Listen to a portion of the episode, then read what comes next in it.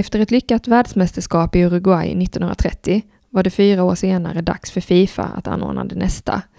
Till spelplats hade valts Italien, ett land som i över ett decennium hade styrts som en fascistisk diktatur. Landets ledare, Benito Mussolini, tog också ett järngrepp över turneringen.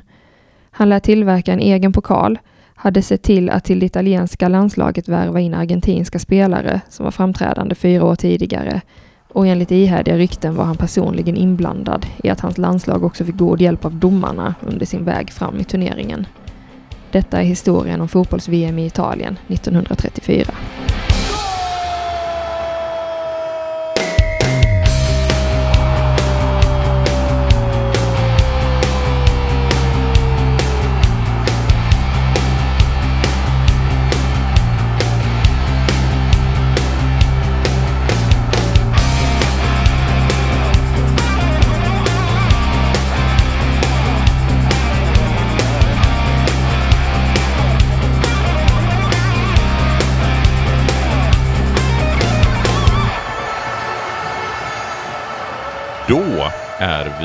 Tillbaka med Mästerskapspodden ännu en gång. Vi ska idag prata om det spännande världsmästerskapet 1934. Och vi, det är jag, Mattias Axelsson, och på andra sidan datorskärmen Gustav Brink Larsen. Ja, hejsan Mattias. Hej Gustav, hur står det till med dig en dag som denna? Jo, jo, men det är bara bra. Jag mm, är taggad på att spela in det här avsnittet. Det känns som att vi har eh, grottat ner oss rejält och upptäckt en hel del Ja, roligheter kanske är fel, men intressanta... Spännande saker. Ja, spännande, intressanta saker, ja. Ja, och tanken med den här mästerskapspodden som vi har gjort ett avsnitt av tidigare, det är ju att vi ska ta oss igenom alla fotbollsmästerskap med början på herrarnas världsmästerskap, för det är ju de som någonstans kommer vara i fokus under åtminstone de första månaderna, för vi släpper ju ett avsnitt den första varje månad. Så det här avsnittet som släpps den första oktober, det blir då det andra avsnittet om VM 1934. Men däremellan så kommer det lite specialavsnitt. Mm. De kommer ju på Patreon. Eh, Patreon.com snedstreck masterskapspodden. Eh, det ligger ute ett för 1930 om José Andrade. Eh, ja, det var det som blev intressant. Eh, för han hade verkligen en intressant livshistoria. Eh, Uruguays center, eller ja, mittfältare får man väl kalla honom, från förra mästerskapet då. Så att det ligger ute på Patreon eh, nu.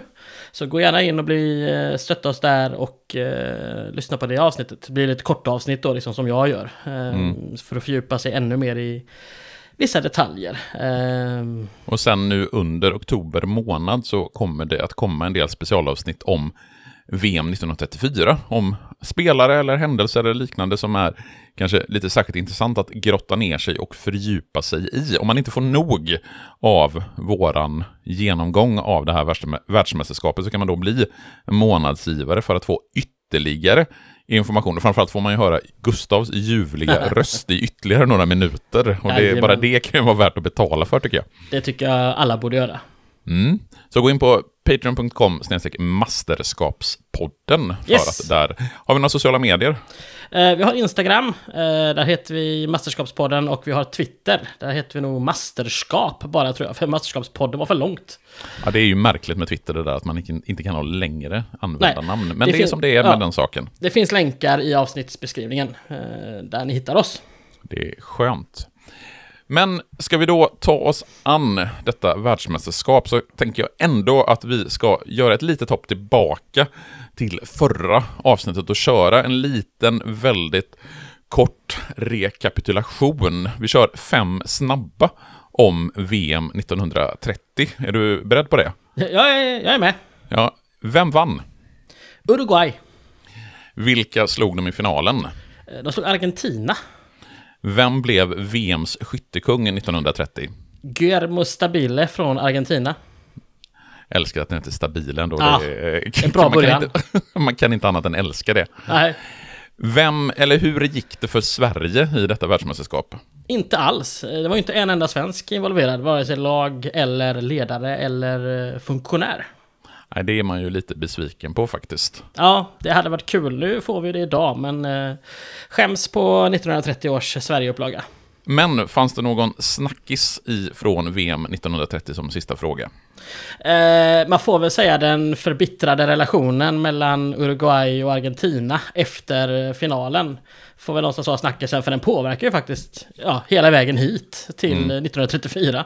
Så det, det, vi får väl ta det. Mm. Och vill ni, nöjer ni er inte med de här fem snabba så backa tillbaka till vår katalog och lyssna på hela avsnittet om VM 1930.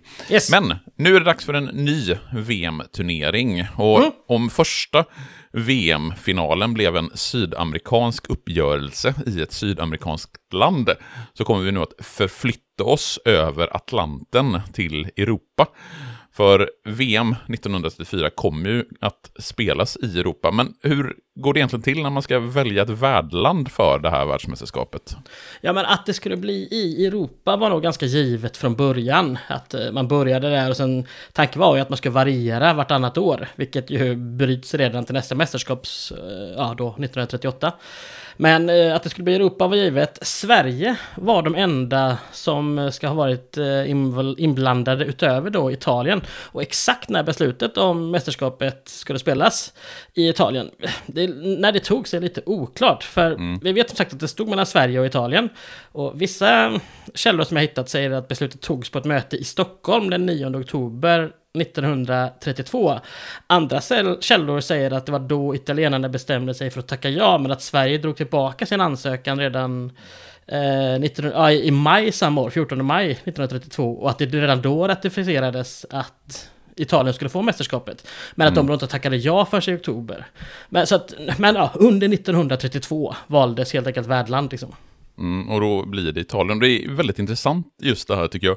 Att Sverige ändå är med i diskussionen om att bli värdland. För Sverige är ju, när vi kommer in i det tidiga 1930-talet, ett väldigt politiskt instabilt land. Vi glömmer gärna det när vi liksom pratar om den svenska historien, för man tänker sig att det är liksom den socialdemokratiska regeringen och vi har folkhemmet, men det kommer ju efter här, det kommer ju på 1930-talets andra hälft egentligen, för om vi tittar på 1932 så, ja men Sverige har haft, jag tror att det är 11 regeringar under de senaste 11 åren. Vi har alltså skiften i regeringsställningen i Sverige i princip varje år under 1920-talet och de första åren på 1930-talet. Vi har Krügerkraschen precis inför valet. Vi har Ådalen 1931 som någonstans är kulmen på den här motsättningarna mellan arbetsgivare och arbetstagare och arbetsgivare och fack. Vi har extremt mycket strejker i Sverige på 1920-talet. Så det är inte jättekonstigt egentligen att Sverige någonstans backar ur och inte väljer att bli värdland 1932. Och samtidigt så kanske man också ska förstå hur hur Italien, för det är någonstans, jag skrev en grej på Twitter precis innan vi skulle spela in det här, att det finns någon som, typ historiens ironi i mm -hmm. att vi mhm. sitter och spelar in ett avsnitt om VM 1934 här i slutet på september 2022, när vi har postfascister som håller på att eh, vinna val i Italien och eventuellt kommer att ta regeringsmakten i Italien. För Italien går ju in i 1930-talet som ett väldigt tydligt fascistiskt land. Och när man pratar politik och idrott så tänker nog de flesta, och pratar vi politik och idrott på 30-talet så tänker nog de allra flesta på olympiska spelen i Berlin 1936. Mm -hmm. Som någonstans blir den, äh, det blir en nazistisk propagandatriumf med de olympiska spelen. Men egentligen i lika stor utsträckning så är ju VM 1934 en triumf för den italienska fascismen och Benito Mussolini. För man ska ju komma ihåg att när vi kommer in på 1930-talet så är det ju bara ett årtionde sedan fascisterna tog makten i Italien. För ska man förstå den italienska fascismen och framväxten av densamma i det här landet så tänker jag man, man skulle kunna backa tillbaka till att Italien enas i slutet på 1800-talet. Men eh, utgångspunkten, okej, okay, Italien går in i första världskriget 1915. Och Italien, det var ett stort land i Europa, är det fortfarande. Det var ett fattigt land, det politiska systemet var instabilt, ekonomin var problematisk och den italienska armén är ganska dåligt förberedd på att gå in i första världskriget. Och när man kommer fram till slutet av första världskriget så står ju Italien ändå på segrarnas sida. Tyskland och Österrike-Ungern Ungern och det Osmanska riket är ju de stora förlorarna i första världskriget. Men den här segern har ju ändå orsakat ett stort missnöje i Italien. Man brukar prata om Vittoria Mutilata. Det kommer att bli många italienska uttal som vi kanske får reservera oss för. Är det, Men, är det någon typ av pyrrhusseger eller vad? Ja, alltså det är en seger, en, en, en ska man säga, skadlig seger, en seger som inte är så bra. Ja, men pyrrhusseger skulle man väl kunna möjligtvis översätta det med eller eh, använda som... I samma region i alla fall. Ja, eh, för, för Italien så var det det var redan ett hårt ekonomiskt prövat land och kostnaderna för att mobilisera arméerna under 1910-talet är enorma. Det blir stor social oro i Italien efter krigets slut. Man förlorar eh, delar av sitt territorium, bland annat Anatolien. Och allt det här sammantaget ger en god grogrund för en fascistisk rörelse. Och den 23 mars 1919 så grundas denna av Benito Mussolini tillsammans med krigsdeltagare från första världskriget och andra likasinnade. Och den organisation som man grundar här precis efter att första världskriget är slut är ju egentligen mellan fredsslutet och Versaillesfreden som kommer slutas i maj 1919.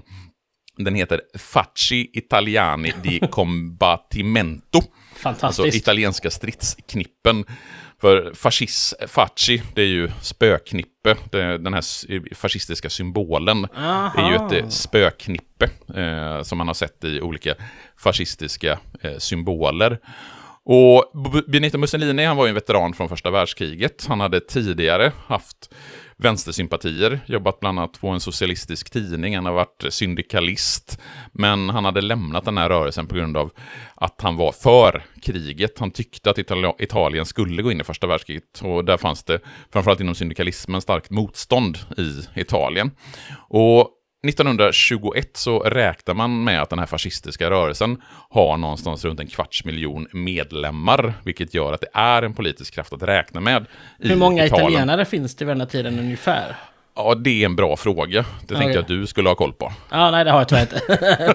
men, men en, en kvarts miljon medlemmar, alltså alla som sympatiserar med dem lär ju inte heller vara medlemmar, så det är ju, en, det är ju fruktansvärt Nej, många men det, medlemmar. Det, det, är så pass många att de, de är en kraft att räkna med. Ja, ja. Och de, att det är så många gör att den borgerliga högen ser ett intresse av att samarbeta, eller åtminstone hålla sig på god fot med eh, den fascistiska rörelsen. Mm -hmm. Och i oktober 1922 så försöker sig Benito Mussolini och fascisterna på en statskupp som har gått till historien som marschen mot Rom, där någonstans runt 30 000 fascister deltar. Och man försöker helt enkelt göra en fysisk marsch mot Rom från olika ställen i Italien. Och det här är egentligen en ganska misslyckad marsch, men den italienska kungen, han fruktar ett inbördeskrig.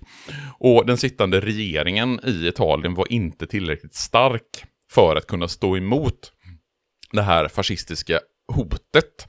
Och fascismen hade dessutom gått från att vara ett hot till att ja, men inte längre ses som ett hot mot etablissemanget.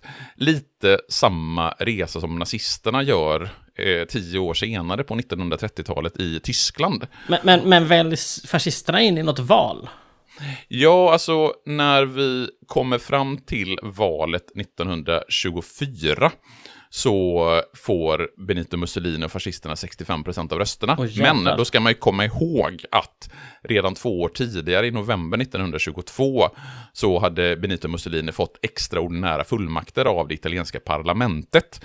Så det här valet 1922, 1924, då mm, fascisterna får 65% av rest, rösterna, de räknas inte som, eh, eller räknas inte som ett fritt val och det Aha. finns väldigt mycket anklagelser om valfusk. Och att Benito Mussolini överhuvudtaget hamnar på den här positionen, det är ju för att kungen Victor Emanuel III just ser med oro på de sociala oroligheterna och helt enkelt ger Benito Mussolini makten utan att han för den skullen har kommit till makten via ett fritt val. Och sen så rullar den italienska fascismen på under 1920-talet. Det sker ett mordförsök mot Benito Mussolini i oktober 1926. Och efter det så förbjuder man alla andra politiska partier i Italien, förutom Som det fascistiska gör. partiet. Som man gör. Som man ju gärna gör i länder med fascistiska diktaturer. Man plockar bort yttrandefriheten, man plockar bort organisationsfriheten, man plockar bort det regionala och det lokala självstyret. Och det här är ju ja, men, ja, fem, sex år innan nazisterna kommer till makten i Tyskland. Så att Men, men fascistiska... ja, Mm. Vad är skillnaden egentligen mellan fascister och nazister för en lekman? Ja, alltså om du kan tänka dig att fascismen och nazismen är densamma, fast i fascismen så plockar man bort den här väldigt hårda antisemitismen. Alltså den rena råa antijudiskheten. Den finns inte, åtminstone inte initialt i den fascistiska rörelsen. Det som gör nazismen så speciell är att man har liksom de fascistiska dragen i hur man vill bygga staten och sen kryddar man den med en väldigt grov antisemitism som ju leder i Tyskland till förintelsen, det vill säga att man rent fysiskt har ihjäl och mördar någonstans mellan 5 och 6 miljoner judar. Men, men, Men i man- Italien var det ingen etnisk rensning av folk då, eller? Inte det sättet. initialt, sen så under slutet av 1930-talet och sen under andra världskriget så lierar ju sig Ja, ja. Tyskland och Italien med varandra.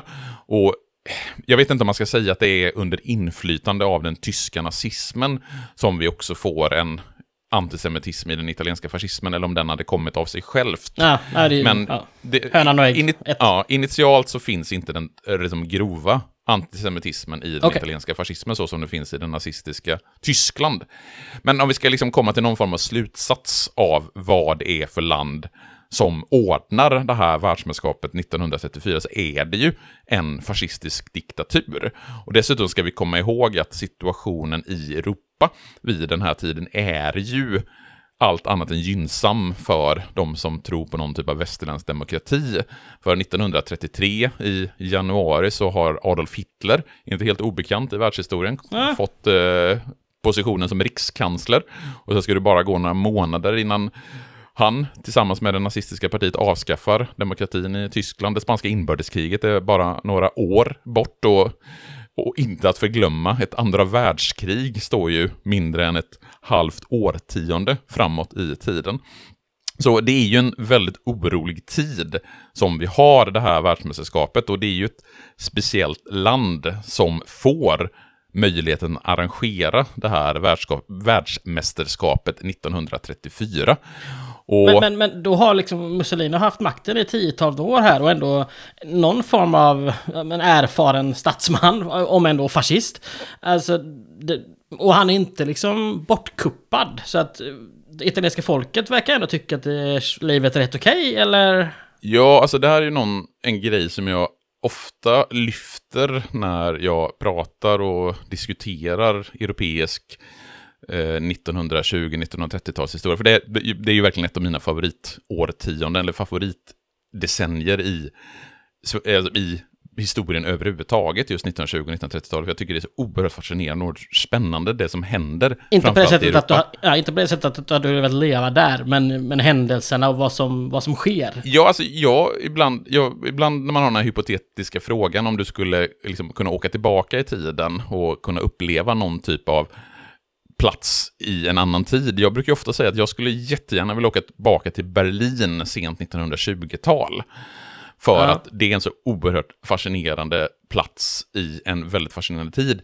Givet då att man inte vet vad som kommer att hända. Ja, det är För sant. Det är sant. Under 1920-talet så finns ju, det är inte så att historien är deterministisk och förutbestämd. Det är inte så att vi, det måste, det var tvunget så att nazisterna skulle komma till makten i Tyskland på 1930-talet.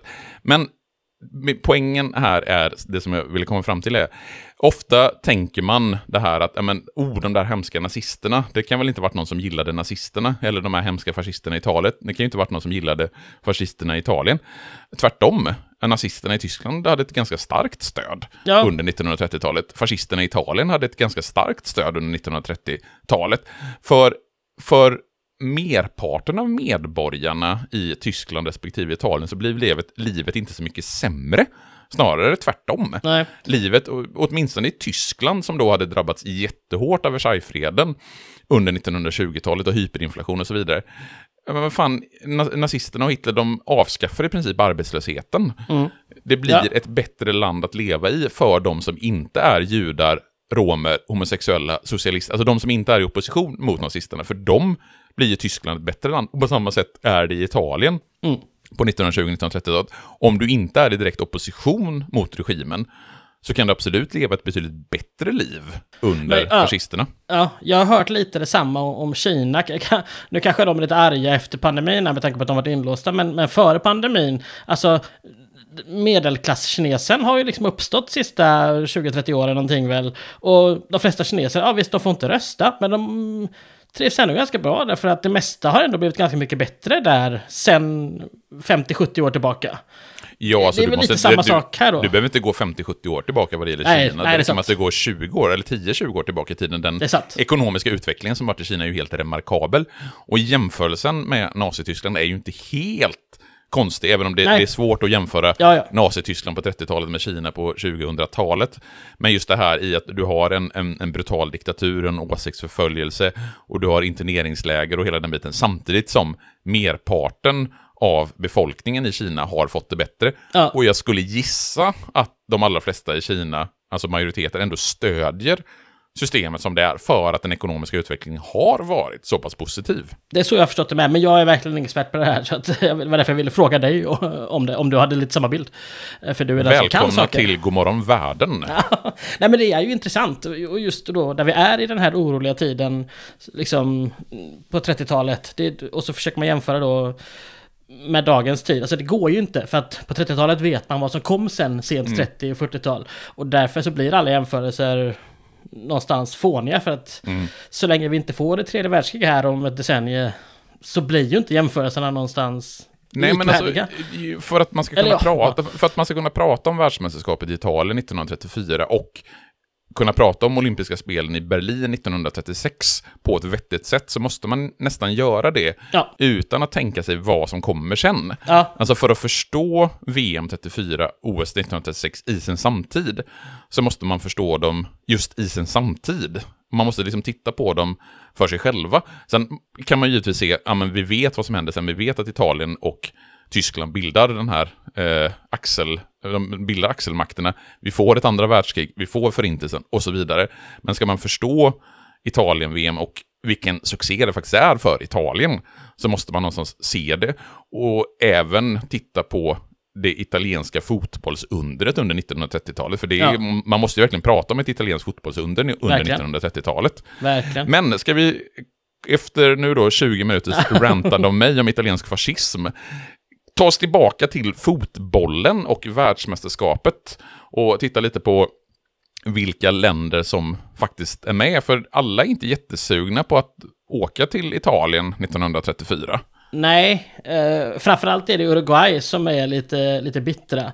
Och det stammar ju helt enkelt av att eh, många europeiska lag vill inte komma till Uruguay. Då är de lite, hä, då kommer inte vi till er. Eh, så att det här är ju faktiskt första och hittills enda gången som de regerande världsmästarna inte är med i, i världsmästerskapet. Och det är, ja, det är ju jättesynd för man hade ju velat se vad Uruguay hade kunnat ställa till med. De är ju inte heller med 38 sen ska sägas. Nej men det är ju lite anmärkningsvärt just att världsmästarna från året innan inte överhuvudtaget kommer till turneringen 1934. Ja, ja, det är ju verkligen det är, det är, en, det är en stor grej. Mm. Eh, tidigare i historien nu så har ju världsmästarna alltid varit eh, eh, de är direktkvalificerade precis som världarna normalt sett är. Så är det ju inte längre. Nu får de ju kvala. Men de har ju ändå alltid lyckats. Men mm. ja, så 34 är helt enkelt... Ja, 30 hade vi ju inga världsmästare. Vi hade ju Uruguay som var liksom OS-mästare. Men vi hade ju inget OS 32 heller. För att det var ju ingen fotboll i Los Mm. Angeles OS. Så att här, ja, Uruguay var ju regerande OS-mästare och regerande världsmästare och är inte med i år. Och det gör ju att en stor favorit någonstans försvinner ur turneringen. Ja, Men det är också så att det är färre matcher i det här mästerskapet. Ja, trots att det är fler lag. För den här gången så fick man ihop då 16 lag som man hade tänkt. Men och även 34, 30, 30 hade man ju från början tänkt att göra ett rent kuppspel. Men för att det bara blev 13 lag så valde man att göra gruppspel. Nu var det ju då, eh, nu blev det 32 eller förlåt mig, nu blev det eh, 16 lag med. Så då helt enkelt lottade man åtta åttondelsfinaler. Och så körde man därifrån liksom. Och det gör ju att, ja, räknar man då så åttondelsfinaler, kvartsfinal, semifinal, final och bronsmatch. Borde bli 16 matcher. Men sen så blir det ju då också eh, ett, eh, ett omspel i turneringen. Så att det blir 17 matcher. Men det var ju 18 1930. Så det här är det VM med, med minst antal matcher. Det är ju ändå lite intressant. Och med färre matcher så blir det färre platser att spela på, eller? Tvärtom, tvärtom. Ja, det Eh, är italiensk ja. logik här som Ja. jag har att göra med. Nej men det, det finns faktiskt en logik i det här för italienarna, Mussolini och italienarna och fascisterna var ju väldigt sugna på att visa upp sin organisatoriska förmåga och att liksom få det här att funka. Så det man ville göra var ju att alla matcher skulle spelas samtidigt. Ja, och eftersom det då är åtta matcher i, eh, ja, i en åttondelsfinal så behövde man åtta spelplatser och då blev det åtta olika städer. Vi har ju Rom, Genua, Turin, eh, Neapel, Trieste, Milano, Florens och Bologna. Och där gillar man ju framförallt Turin där stadion heter Stadio Benito Mussolini. Eh, det heter numera Stadio Olimpico, Olimpico Grande. Så att, eh, Men med har- tanke på den politiska utvecklingen i Italien så kanske den byter namn tillbaka till Stadio. ja, det... ja. Vi kanske inte ska Eh. vara en politisk podd, jag vet inte. Men Nej, eh, jag jag, kände att jag ville säga det ändå. Ja, ja... Ja, men det är ju då... Nej, det är från Neapel i, norr, i söder till Milano i norr helt enkelt som, eh, som matcherna spelades. Färre matcher, men fler platser att spela på. Finns det något annat som är nytt i den här turneringen? Ja, eh, vi hade ju en, en intressant grej inför finalen i 1930 att eh, de spelade med en boll i första halvlek, en boll i andra halvlek för att man hade ingen officiell matchboll. Det tog man nu fram till den här turneringen. Bollen hette Federale 102 och det, liksom, det dödade ju all diskussion om vilka bollar man skulle spela med. För nu ska vi spela med den här. Sen tycker jag ju en grej som är lite eh, roligt är ju att Fifa hade tagit fram en VM-pokal. Eh, det är ju inte den nuvarande utan ja, det, det är en, en tidigare pokal. Men fascister är fascister och bara vi ska ta fram en annan pokal. Och den ska heta Coppa El Duce och den ska vara sex gånger större än vad Fifas pokal var. Och det är liksom den som jag har förstått det som, som vinnarna, alltså ja, de som vinner, spoiler alert, italienarna vinner. Um, det är den som de kanske framförallt presenteras med och liksom får, får stå och hålla sådär liksom. Ja, men jag älskar ju det här. Vi har alltså en, i Turin har vi en stadion som heter Stadio Benito Mussolini. Vi har en pokal som heter Coppa del Duce.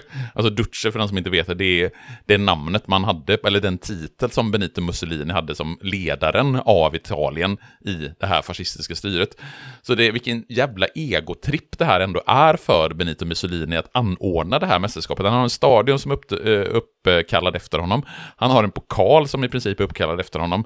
Han måste ju få, ska jag säga, ståpäls, gåshud, vad säger man? Ja, och dessutom hade vi ju Stadio Giovanni Berta och Giovanni Berta var ju en eh, ja, fascistmilitant också liksom. Så att eh, det var Florens stad som nu har bytt namn också. Så att eh, ja, det... Nej, men det säger ju ganska mycket om vad Italien är villiga att göra, alltså hur de tänker, hur de går in i det här världsmästerskapet. Och det är därför jag tycker att parallellen till de olympiska spelen i Berlin 1936 är ganska given att göra. För Berlin 36 är verkligen den här liksom propagandatriumfen för Hitler och nazismen. Och Ja, det är väl Jesse sätt så- Owens som ställer till det bara, men... Eh, Ja, men den lilla detaljen med att han vinner fyra OS-guld, den kan Ja. man väl ha överseende med. ja, Vilken är för övrigt, eh, vem 1984 tog också fyra OS-guld på samma, i samma grenar som Jesse Owens gjorde 36? i samma grenar. Det vet jag inte. Eh, då kan vi säga att det är 100 meter, 200 meter, det är 4 gånger 100 meter och det är längdhopp. Vilken amerikan var dominant i dessa grenar i mitten på 1980-talet? Ja, åt, jaha, för, aha, Carl Lewis. Ja, du Jag hörde hörde inte att jag sa vad du sa. 1980-talet. Ja, ja, jag trodde du... Ja, förlåt. Jag hörde inte vad du sa. Nej, Eh, du jag lyssnar inte på vad jag säger. Nej, jag försöker liksom göra sådana improviserade Erik Niva-frågor till dig. Och så liksom landar bollarna någonstans 10 meter bakom dig. Ja, nej, men Carl. Lewis var en av mina favoritfriidrottare när jag var ung. Jag, jag minns honom eh, med värme. Sen var, vet man inte hur dopad han var, som väl alla amerikaner har varit känns det. Men det Ja, han var ju säkert sönderdopad, men Ja. man, eh, man gillade ju Carl Lewis. Framförallt så gillade man ju längdhoppsfinalen i VM 1991 mot Mike Tokyo. Powell. Ja. Satan, det måste ha varit den bästa VM-finalen någonsin. ja, det var ju världsrekordet 895 slog. Var det inte så att Powell slog det rekordet? Sen hade Carl Lewis typ de sex näst längsta hoppen eller sådär liksom. Det var Ja, alltså typ han så. hoppade, för, förutom att han hoppade 8,91 i ett hopp, förvisso Ja. med eh, i inte godkänd vind, men Nej, nej. ändå liksom han hoppade över Bob Beamons liksom, klassiska 68-rekord. Men alltså det sämsta hoppet som Carl Lewis hade i den tävlingen, det hade alltså räckt till VM-guld i princip samtliga turneringar i eh, friidrott under 1990-talet. Sämsta hoppet som Carl Lewis har i den finalen. Ja, och rätta mig om jag fel, men längdhoppet har väl också gått höjdhoppsvägen med att man numera hoppar kortare. Eh, alltså, man, man hoppar ju sällan 2,45 eller typ aldrig i höjdhopp. Alltså fråga inte mig någonting om idrott senare än upp, 2000 så eh, tänker jag inte svara på det. Okej då. Jag vet Javier Sotomayor 2.45, det kan Ja, precis. jag. Eh, Kostadinova 2.09, damernas höjdhopp, det kan jag. Men jag vet fan vem, vad folk hoppar nu för tiden. Nej men jag får, så här, är de uppe på 860-870 så är det långt liksom. Mm. Då är, ja, Nej men det är ju också det som gör Bob Beamons 8.90 Ja. i Mexico City. Förvisso liksom optimala förutsättningar med liksom hög höjd och så vidare, men 8 meter 90 som Lennart Hyland säger i sitt klassiska referat från eh, Mexico City 68. Det är ju ett sjukt. Ja. Hur mycket längre än det förra världsrekordet var det? Eh, Ja, osäker på det, men det var ju många decimeter åtminstone. 55 centimeter längre. Alltså en Ja, halv det är, meter. Ja, det är en halv längre. meter. Det är, alltså, det är, det, men det är så sjukt att han hoppar liksom 8,90 Ja. i OS 1968. Ja, det fanns eller finns på YouTube det klippet. Man ser när han landar att bara liksom, han, det är som att han inte riktigt kan tro det när han hoppar framåt där. Han landar på fötterna för mig och Mm. studsar framåt och bara hur långt fram är jag? liksom. Eh, Ja, Och skitsamma, de det här de är inte fram friidrotts... Ja. Ja, men jag tycker att vi måste låta oss, eh, vi måste tillåta oss att ta de här utvikningarna till VM 1991, OS 1968, när vi ändå pratar om VM 1934. Nej, sant, låt oss gå tillbaka till VM 1934. Spelsystem pratade vi ju ganska mycket om, eller en del om i förra avsnittet. Mm. Och eh, jag försökte få dig att säga att spelsystem ändå är en lek med siffror, men du gick inte med på den. Nej, det gör jag inte. Hur leker man med siffror i VM 1934? Nej, men eh, i grunden så är spelsystemet har inte utvecklats jättemycket. Det man har gjort, framförallt som jag förstått det, italienarna, eh, är att man ett, ett, en, en variant av 235 som man kallar metodo, vilket mer är ett 2-3-2-3. Och det man gör då är helt enkelt att inrarna eh, går ner lite eh, och blir liksom, går från att vara innerforwards till att vara kanske mer åttor, tior. Så att här börjar vi ändå närma oss liksom ett tremanna inre mittfält med, kan jag tycka liksom. Um, och det var för att ge stöd på mittfältet och då skapa ett defensivt starkare system som var också väl, men vällämpat för kontringar liksom. Ehm, faktum är att det finns eh, argument för att det här systemet inte återuppfanns, men lite grann kom en modern version av det med Pep Guardiola i Barca och även i Bayern. Ehm, för om man, om man tänker sig 2-3, 2-3, ja men då har ju två försvarare, sen har du tre då halvbackar. En till höger, en till vänster och en centralt. Och det är ju inte svårt att tänka sig dem som två ytterbackar och en defensiv mittfältare. Och när inrarna då har klivit ner och blivit liksom ja, men nästan innermittfältare, ja då har du en anfallstrio längst fram och då har du nästan ett 4-3-3 där liksom.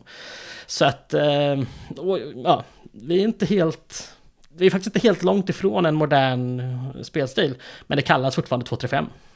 Jag tycker att ett givet Patreon-avsnitt under oktober månad det är ju att du går igenom olika spelsystem och förklarar de här olika termerna som vi använder oss av när vi pratar om spelsystem på tiden, säg före 1970-1980-talet. Och eh, innerhalv och ytterhalv och centerforward och Det halvback och liknande. Ja. Eh, fixar du det eller?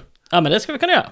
Underbart. Ja, sånt gillar jag. och, Vill ni, prata, vill ni lyssna på Gustav Orerons spelsystem i åtminstone 45 minuter så bli Patreons på patreon.com mästerskapspodden. Ja. Men VM 1934, vi hade ju ett avsnitt för en månad sedan om VM 1930, fyra år däremellan. Har det varit någon internationell fotbollsturnering sedan eh, vi hade vårt förra VM? Eh, nej, ingen, ingen större tyvärr. För som jag sa förut, OS 32 gick och Los Angeles. De ville inte ha med fotbollen. Och det var ju liksom en av anledningarna till att VM någonstans ens skapades. Att, att det inte skulle vara med. Och liksom både EM och de afrikanska och asiata, asiatiska mästerskapen, de är ju 30 år bort i tiden. Typ. Innan de ens eh, drog igång.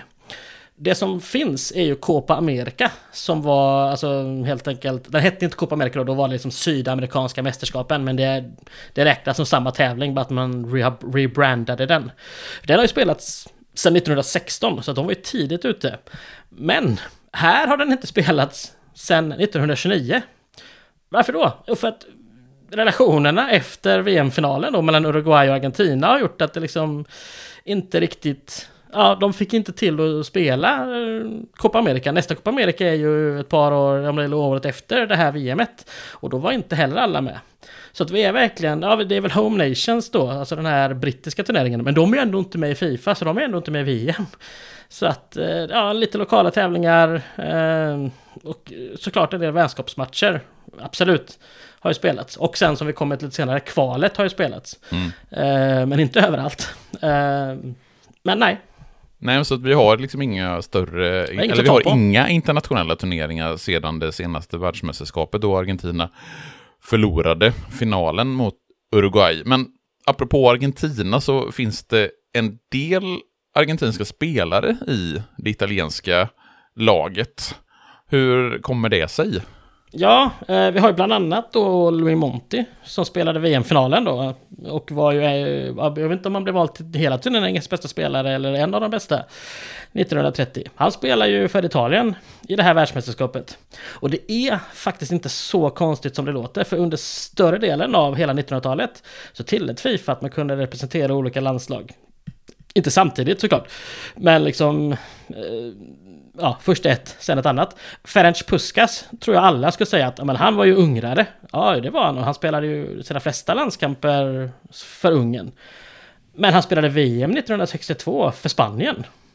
Och han gjorde faktiskt också en landskamp inom eh, dubbelsnuttar eh, för Madrids autonoma lag. Det var väl någon Madrid och Kastilien och de här hade, ja, de, de mötte varandra, de inhemska spanska lagen. Kallar du det för dubbelsnuttar en gång till så kommer jag säga upp min vänskap med dig. är det förbjudet alltså? Ja, du får inte kalla det för dubbelsnuttar, citationstecken eller citattecken ja. möjligen. Men eh, jag gillar det ändå, Gustav. Fortsätt. Vad härligt. Ja, men samma sak med Alfredo de, Stefani, eh, de Stefano. Han är ju Real Madrid-ikonen. Han är ju född argentinare. Gjorde sex landskamper för dem, men efter... Det är så absurt, för att det hände i Argentina, han flyttade till Colombia och gjorde så fyra inofficiella landskamper för Colombia utan att liksom bli colombian, att få colombianskt pass. Och blev då avstängd för, av lands, eller från landslagsspel av Fifa. Flyttade till Spanien, blev spansk medborgare och efter lite strul där så, så fick han representera det spanska landslaget. Han gjorde tyvärr aldrig några VM, eh, så att han kommer inte prata om så mycket i den här podden. Därför är det kul att nämna de här. Men han har ju då spelat för tre, tre landslag. Eh, ja, och även idag går det ju att byta landslag. Men inte om du har medverkat i en tävlingslandskamp. För det är någonstans det som är gränsen. Det och några saker till. Har du spelat träningslandskamper eller juniorlandskamper för ett landslag så kan du byta. Eh, det räcker dock inte bara att så här, som, som Monti, han flyttade i Italien och ja, det fanns lite specialgrejer där men eh, Puskas, han flyttade till Spanien, blev spanjor och då var det liksom bara köra. Idag så måste du antingen ha en förälder eller mor och farföräldrar som var födda i det land du vill representera. Eller ha bott där fem år i sträck efter 18 års ålder. Då... Så det betyder att om jag nu flyttar till exempel till Finland och bor där i fem år så skulle jag rent tekniskt kunna spela A-landslagsfotboll för Finland. Om vi det... borträknar att jag är kass i fotboll då. Ja, ja, men precis, ja, precis så är det. Um, så att, eh, och det kan väl vara fair. Och det, det här är ju lite av ett problem. Eh, jag vet att Janne Andersson någon gång har pratat om det. Att ja, men i Sverige var det väl Ann, gamla MFF-mittbacken, Anel Ahmedhodzic. Han spelar ju massa juniorlandskamper för Sverige. Och när han blev vuxen så väljer han väl, mm. är det Bosnien va? Och Janne Andersson pratade om det en gång att ja, alltså så här, det får han göra. Och det säger jag med, man får ju spela för det landslag man vill. Men han har ju fått en jättelång utbildning i Sverige som Sverige har betalat för. Kanske ska man ha någon form av sånt ersättningssystem, alltså som ja, men, som utbildningsbidrag som man har för klubblagen liksom. Att mm. har du spelat U15, U17, U19, U21 för ett, för ett land och byter, ja då får det andra landet punga upp lite pengar för din utbildning liksom. Sen vet jag inte om det finns några tankar på det eller om det bara ja, bara är något som Jan Andersson har funderat på liksom. Mm. Men jag förstår hans poäng. Just i dagens tider när liksom, eh, jag minns när eh, det var ju nästan tio år sedan nu som Adnan Januzaj slog igenom i Manchester United, gjorde en bra säsong där.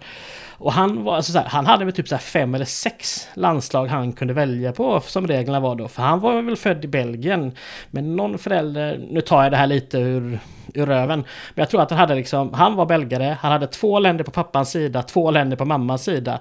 Plus att engelsmännen, för han hade bott där sedan tidig ålder, eller i alla fall tonåren. Så engelsmännen var lite sugna på honom också. Så att, mm. eh, eh, det säger ju en del om hur, hur krångligt det kan vara idag. Jo, men det där är, det är ju en sak när det kommer till lagidrott som fotboll är, men vi har ju samma sak i de individuella idrotterna. Alltså Ludmilla Engqvist är väl ett av de bästa exemplen för svensk del. Duplantis. Ju, Duplantis i nutid, definitivt. Men eh, om vi går tillbaks till fotbollen och till VM 1934 så är det ju ändå lite speciellt med Louis Monti där, för han spelar ju ändå finalen 1930 med Argentina. Och du har ju redan spoilat att Italien kommer vinna. Så vi kan ju säga att han även spelar finalen 1934 med mm. Italien. Och det måste väl ändå vara ganska speciellt? Det är ganska speciellt på det sättet att det, han är helt unik med det. Det finns ju många spelare som har spelat två eh, VM-finaler. Men ingen har gjort det med två olika länder. Bra quizgrej att ha koll på. En bra quizfråga att ställa om man är en riktig sån nördig fotbollsquizare. Verkligen. Det fanns ju en, eh, minst en till som var med i båda mästerskapstrupperna, Argentina 30, Italien 34. Attilio De Maria. Han spelade dock inte någon av finalerna. Han spelade en match i varje mästerskap, men inte finalerna. Och dessutom ska det nämnas här, det var faktiskt inte så, hur, hur, mycket man än kan tycka att det är smutsigt att italienarna tar in liksom etablerade argentinska spelare, så var det inte helt random. Det var inte så att de gick och köpte spelare på det sätt som har gjorts, var det inte Qatar som gjorde det i handbollen här för när de ska arrangera, arrangera något mästerskap? För handbollen har mycket lösare regler. Att där liksom, ja men de snabbgav folk, eh, redan världsstjärnor som hade spelat för storlag, gav dem pass och massa pengar. Så helt plötsligt hade Qatar ett av världens bästa landslag. Ehm, så var det inte. Utan det som hände var att eh, såväl Monti som Di Maria ehm, och som jag förstått det alla spelare som representerade både Argentina och Italien var en del av något som kallas Oriundo. Or Oriundo. Ja. Det känns som ett jättekonstigt ord som jag aldrig har hört tidigare. Kan Nej. du snälla förklara, vad är Oriundo?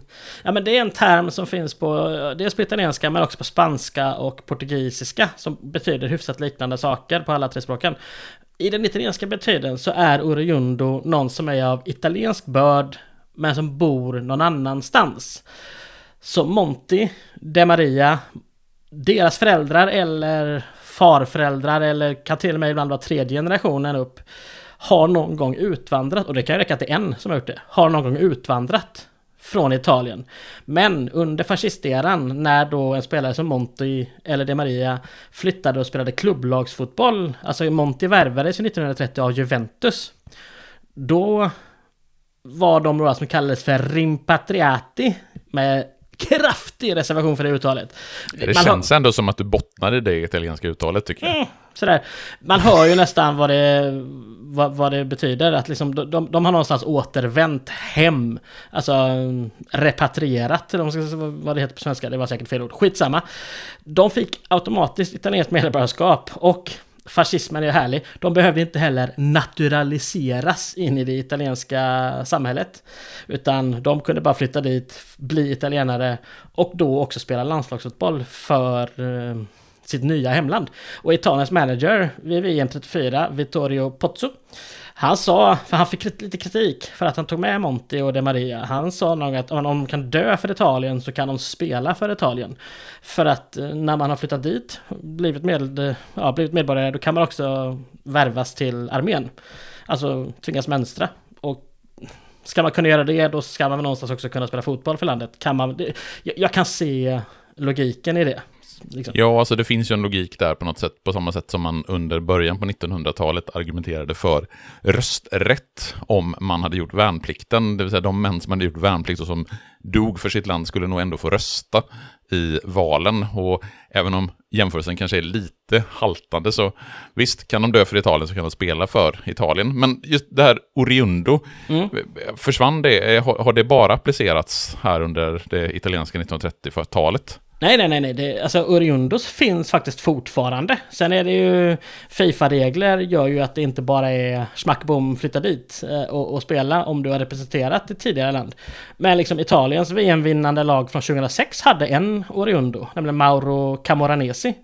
Han är född och uppvuxen i Argentina, men, ja, men jag, jag ska inte påstå att jag har Camoranesis kar karriär liksom i 100% Men han, jag, han var väl lite av en late bloomer om inte jag förstod det fel. Så att det är först 25-årsåldern när han har flyttat till Verona och senare Juventus som han blir landslagsmässig. Och eftersom han hade då tydligen en farfars far som utvandrade till Italien, eller från Italien 1873 så kunde han få italienskt pass och men han var ju med i fyra, alltså 2004 och 2008 var han med i EM och 2010 och 2006 då som de vann så var han med i VM. Så eh, det hände fortfarande. Eh, och jag menar det finns många spelare som hade kunnat bli Oriundus, eller som, de är ju Oriundus, men som hade kunnat spela för Italien men som inte gjorde det. Eh, och det är liksom världsstjärnor, det är Gabriel Battistuta, det är liksom Cavani, det är Hernan Crespo, Pablo Dybala, Javier Zanetti.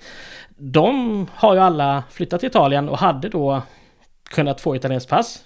Men de har ju valde ju då att spela med sina, det som de såg som sina hemländer då. Ehm, Uruguay och Argentina i det här fallet med spelarna jag nämnde. Och det finns en lång lista liksom. Det finns, och det behöver inte... Det Mark Bresciano som var australiensare. Samma sak, han hade italienskt påbrå och hade kunnat, men han spelade landslagsfotboll för Australien istället. Så att, ja. Mm. Och det här världsmästerskapet 1934, vi har redan konstaterat att det är färre matcher fast fler medverkande lag. Den regerande världsmästarnationen Uruguay är inte med. Vilka lag är det egentligen som får delta i det här mästerskapet egentligen? Nej men det är, det är 32 lag eh, anmäler, anmäler sig så att intresset är ju ganska stort ändå liksom. Eh, så för att få fram vilka 16 lag, för det hade man bestämt att det skulle vara. Så att få fram vilka 16 lag som skulle vara med så var man tvungen att anordna ett eh, kvalspel. Och här tänker man då de moderna kvalspelen. Släpp den tanken. Det, är, det, här, det här liknar liksom inte, inte ens nästan liknar våra kval. För de 32 lagen delades in i 12 grupper och man utgick från geografi. Så det är ju samma som idag.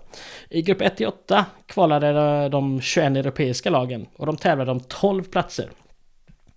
Grupp 9 och 10 var lagen från Sydamerika och där hade fyra lag anmält sig, varav två skulle få spela VM.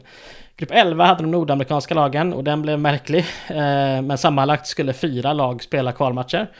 Eh, vi återkommer till den. Eh, och sen har vi grupp 12 där eh, lagen från Afrika och Asien var placerade. För där var bara tre lag anmälda och ett av de lagen skulle få, få spela VM. Ja, alltså det känns ju som att man nästan behöver någon typ av graf eller en snyggt ihopslängd PowerPoint-presentation signerad Gustav Brink Larsen för att förstå hur de här kvalen egentligen går till. Men var, var, ska vi börja någonstans för att reda? För jag tänker att vi måste ändå, även om VM 34 är huvudfokus, så måste vi ändå grotta ner oss i hur tar man sig till VM. Var, var börjar vi? Vi börjar, tycker jag, i Afrika-Asien, eh, sista gruppen. Eh, för den blir ganska enkel. Turkiet, för, för det är så här, det är 32 lag har anmält sig till kvalet. Men det är bara, jag tror det är 27 eller 29, minns inte nu, 27 tror jag det är, som faktiskt spelar kvalmatcher. Och här är det då, här har Turkiet, Egypten och det brittiska Palestinamandatet som känns som en riktig Mattias-grej. Men de jag skulle, kunna göra, jag skulle kunna göra en poddserie om det brittiska Palestinamandatet känns det som. Men om man liksom kort ska beskriva vad det brittiska Palestinamandatet var så handlar ju det om att Storbritannien hade under första världskriget erövrat områden från det Osmanska riket. Osmanska riket var ju ett historiskt jätterike med utgångspunkt någonstans i Turkiet.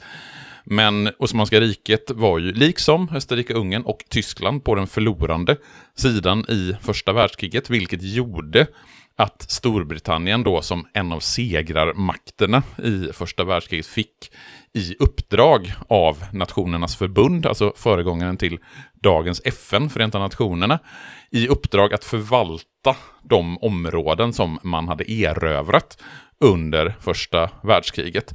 Och det här brittiska Palestina-mandatet, rent geografiskt, så omfattade det det som idag är staten Israel, Jordanien, de palestinska territorierna. Och man har det här mandatet fram till 1948 och då är ju tanken att man ska enligt Förenta Nationerna åtminstone dela området, det israeliska, i en del som har en judisk majoritet och en del som har en arabisk majoritet, alltså ett Israel och ett Palestina. Men sen så hände hur, hur det gick det med det? Det gick ju sådär skulle man kunna säga, för att göra en lång historia varför? kort.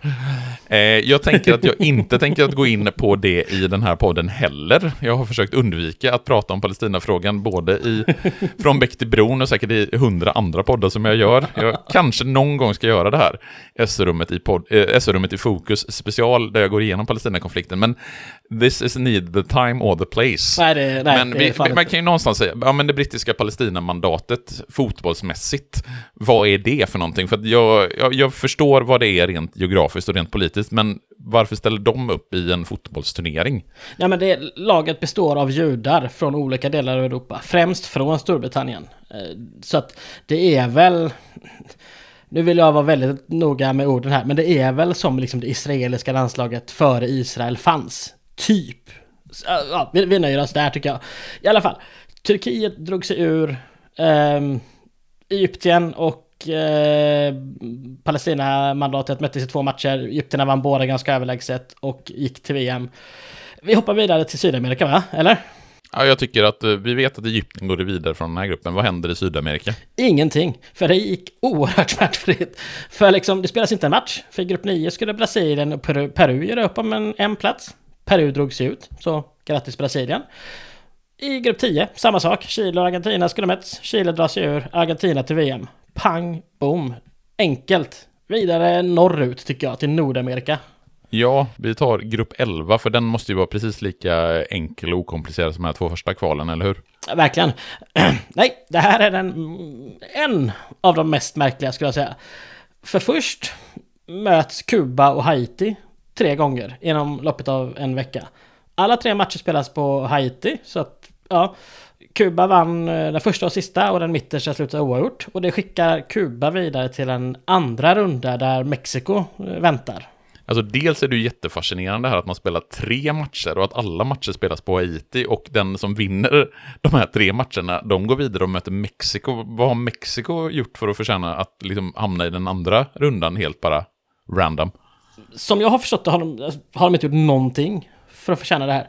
Eh, men de skulle spela tre hemmamatcher i mars 34. Eh, eh, de vann alla tre. Men gick de till VM tror du? Nej, tveksamt. Nej, nej, nej. De avancerar till finalrundan av det här kvalet och där ställs man mot USA som hittills inte spelat en enda kvalmatch utan man hamnar alltså i finalrundan gratis. Ja, och USA är ju också intressant 1900 32 här i början på 1930-talet. För man är ju det land någonstans där den här ekonomiska 30-talsdepressionen utgår ifrån. Börskraschen i, på hösten 1929, Franklin D. Roosevelt, han hade blivit president 1932 och påbörjat sin New Deal i försök att få den amerikanska ekonomin på rätt köl. Sen lyckas man ju inte med det förrän egentligen andra världskriget bryter ut och man går över till att bli en krigsekonomi. Den amerikanska proffsligan ASL, den hade ju helt fallerat som ett resultat av den ekonomiska krisen och upplöstes 1932. Så det är ju ett USA något på dekis som ställs mot Mexiko i den här avgörande matchen. Och vad går USA in med för förutsättningar egentligen? Nej men eh, förutsättningarna verkar vara att de hamnar här för att de anmäler sig för sent. Det finns officiella Fifa-dokument som säger att USA anmäler sig för sent till kvalet. Och det går ju att argumentera för att man, det, det då är konstigt att de helt plötsligt då bara får spela den sista avgörande matchen om den nordamerikanska platsen i, i VM.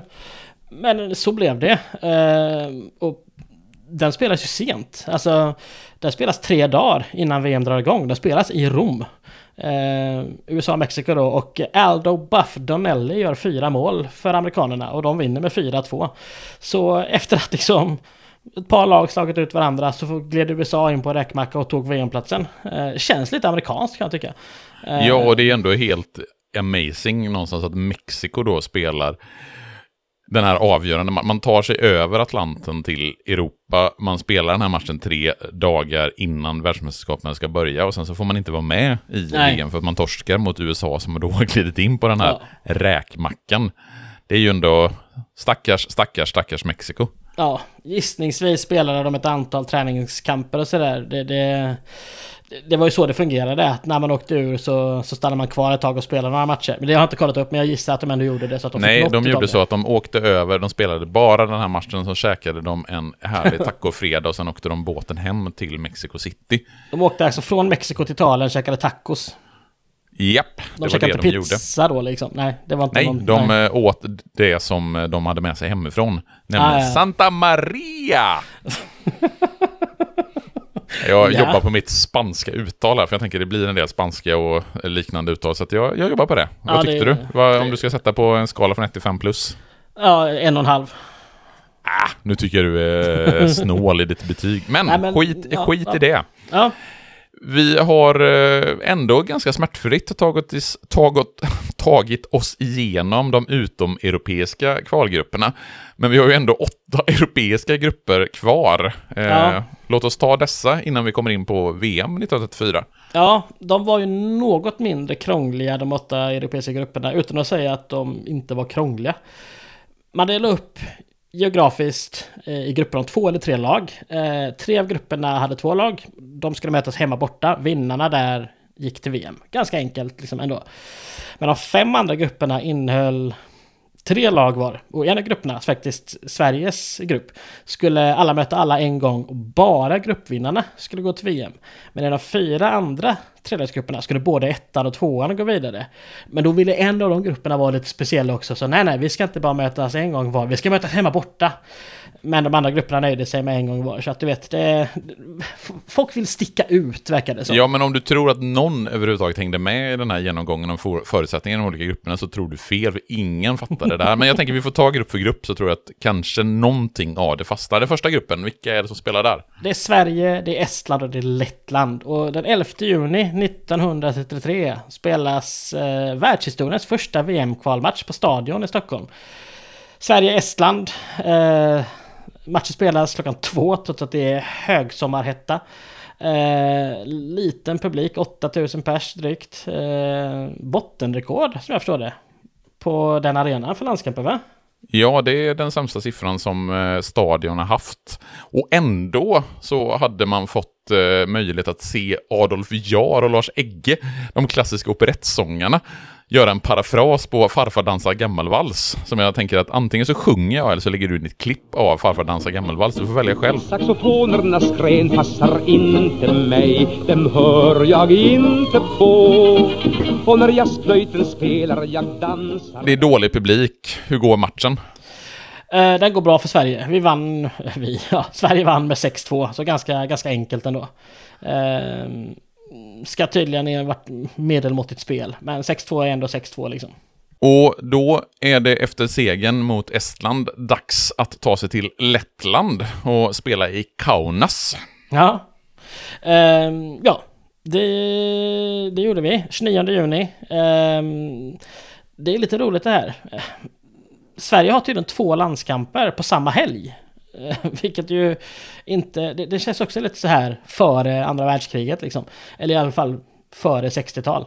Men vi mötte tydligen Ungern samma helg. Eh, och av någon anledning så var den landskampen tydligen viktigare för det var dit man skickade de, ja, det som ansågs som någon form av A-lag. Och här var då B-landslaget på något sätt. Eh, men oavsett så gick det ganska bra. Knut Buckla Hansson, eller vad han nu heter, från Landskrona Boys, gjorde två mål och Sverige vann med 2-0. Och då var ju vi, eh, då var ju Sverige vidare. Och eh, vad gör esterna och letterna då? Jo, de väljer ju inte att spela sin match för båda lagen var utslagna. Ja, varför Så- skulle de ja. spela den egentligen? Det var ju helt onödigt. Sverige är i VM! Ja, första yes! gången. Kul. Härligt! Ja. Då kan vi ta oss an grupp två med Spanien och Portugal. ja, det är väl förmodligen den enklaste eh, gruppen. Ja, men det är ändå lite spännande. Spanien, Portugal. Eh, klassisk rivalitet, åtminstone numera. Man pratar om det iberiska derbyt. Och, och dessutom ska man ju komma ihåg att Spanien här på 1930-talet, det är ju ett väldigt tydligt vänsterfäste i Europa från det att Folkfronten vinner valet 1931 och man försöker någonstans göra upp, som man säger, med det spanska konservativa arvet med katolska kyrkan och liknande och det är ju extrema politiska motsättningar i Spanien under 1930-talet, alltså det som kulminerar i det spanska inbördeskriget. Vad blir det? Fyra år senare, 1936. Men eh, det Två, spelar två år kanske... senare. f- Två år senare, från, Efter jag, tänker VM. från, jag, jag tänker från, från kvalet. Ah, ja, Eh, sorry, sorry. Men, ah, ja. ja. Okej då. Ja. Men jag tänker att just det kanske spelar mindre roll just i fotbollen och i kvalet mot Portugal. För det är ju en enkel grupp, det är två lag. Hur Ja. går det? Ja men Spanien vinner hemma med 9-0 och 2-1 borta. Så att eh, det var ju ganska tydligt vilka som, vilka som skulle gå vidare därifrån. Viva i Spanien helt enkelt. Exakt. Och grupp tre då, där blir det ju helt plötsligt lite intressant för här har vi då Italien som är arrangörsland. De måste ändå kvala för att komma in till VM.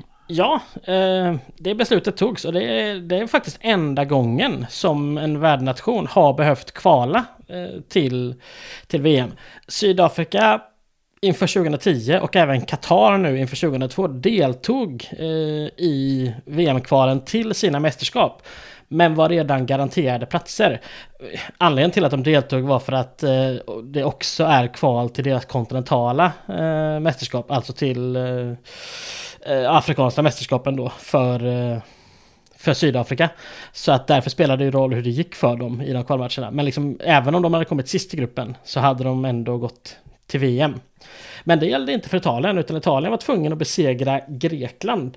Och man börjar hemma och vinner med 4-0. Och sen finns det mycket här kring den här returmatchen som aldrig blir av. För man skulle ju åkt till Aten då och spelat. Men den matchen, det sägs att grekerna vägrade. Sen har jag hört eller läst till mig rykten om att Ja, helt plötsligt så köpte italienska fotbollsförbundet, eh, eller om det var Mussolini själv, en eh, eh, ja, någon form av hus som sen blev liksom det grekiska fotbollsförbundets högkvarter i Aten och sådär. Det kan ha varit mutor inblandade som gjorde att grekerna helt plötsligt inte ville spela. Vilket ju kan tyckas märkligt med tanke på att man vann med 4-0 hemma. Det, man, man tycker att man, inte att man riskerar så mycket. Men ja, Ja, du, det Tyskland, led- test, Tyskland ledde med 4-0 på, i Berlin mot Sverige. ja men det var den mot klassiska fyra-matchen. Ja. Jo, jo, förvisso. Men det hade, varit, det hade ju varit jätteroligt om Italien hade missat det här världsmästerskapet. Ja, det, alltså, Nej, det, här, det hade inte hänt. Nej, det hade finns inte på världskartan att Italien inte hade spelat VM 1934. Nej men jag tänker så här, säg att de hade åkt ur där. Det hade ju som sagt inte hänt. Kontrafaktisk och spekulation hit och dit. Men de hade ju hittat ett sätt att få Ja. in italienarna i åttondelsfinal på något sätt. Men från grupp tre så är åtminstone Italien ärorikt vidare. Trelagsgruppen grupp fyra, som då Mm. består av Bulgarien, Ungern och Österrike. Ja, det var den som ville vara speciell med att alla skulle möta alla två gånger. Så blev det inte. Eh, Bulgarien förlorade klart hemma mot Ungern. Och de blev ännu mer överkörda mot Österrike. Och här får vi komma ihåg då, det var ju två lag som skulle vidare från den här gruppen och Bulgarien har redan förlorat båda sina första matcher. Så de drog sig ur och ja, då behövde ju Ungern och Österrike inte slösa tid på kvalmatcher. Så fler matcher blev det inte. Uh, ja, så kan man också göra på 1930-talet. Grattis till både Österrike och Ungern. Vi går vidare till grupp 5. Ja. En match spelas i den gruppen. Ja, Tjeckoslovakien åkte till Polen och vann med 2-1 och sen skulle Polen, polackerna resa till Prag. Eh, men de, alltså på något sätt så tillåts de väl inte av den polska regeringen eller någonting. Ja, det finns någon olöst gränstvist där mellan den polska regeringen och Tjeckoslovakien som gör att den polska regeringen inte är jättesugna på att polackerna åker till Tjeckoslovakien för att spela. Nej, så då tilldöms polackerna, eller tjeckerna segern med 2-0 och är i VM. Enkelt som mm. en, eh, någonting för Tjeckoslovakien. Grupp 6. Ja, eh, här är en grupp som till synes har lite ordning i sig, äntligen. Men såklart när man grottar ner sig i det så är det ingen ordning här heller. Jugoslavien, Schweiz 2-2. Eh, så även Schweiz, eh. Innan Rumänien i sista matchen slår Jugoslavien med 2-1. Vilket ju då tar Rumänien och Schweiz till VM. Och så blev det. Men enligt vissa källor så ska Fifa ha gett Schweiz en 2-0-seger i matchen mot Rumänien för att Rumänien ska ha använt en otillåten spelare. Och jag har förstått som att, att de använder en otillåten spelare verkar stämma. Men om schweizarna hade fått den här segern, då borde Jugoslavien, baserat på poäng, ha gått om och gått till VM. Men det gjorde de inte. Så kom man på det här efter VM eller vad fan liksom. Mm, ja, i alla fall så är Schweiz och Rumänien till VM och Jugoslavien utslagna. Men det, jag lyckades aldrig reda ut det här helt och fullt. Så att, eh, ja, tji fick jag. Och Jugoslavien var ju ändå i semifinal i det föregående VMet, så det är ju en liten favorit som försvinner här. Ja, det finns ju faktiskt två filmer om Jugoslavien. Eh, alltså spelfilmer från i modern tid här nu. Eh, någon som heter så här Resan till Montevideo och någonting. Det är komedier som jag förstår det. Som det är ju jävligt intressant om man gör komedier om VM 1930 ändå. Ja, jag har tänkt att jag ska se dem men det har inte blivit av än. Men vi har två grupper kvar, ja. grupp 7 och grupp 8. Ska vi ta den enkla gruppen, grupp 7? Ja, eh, Holland slår Irland med 5-2 och eh, sen slår de Belgien med 4-2. Och eh, eftersom irländarna och belgarna själva spelade 4-4 i den första matchen så var det belgarna som fick följa med tack vare att de hade släppt in ett mål mindre än Irland. Det är ju lite kan, surt. Ja, så verkligen så här när det verkligen är målskillnad. Eller mål aggregate som det var. Det, det, det hette ju inte målskillnad på den tiden. Och vi har en grupp kvar, men den är väl ganska lätt att ta.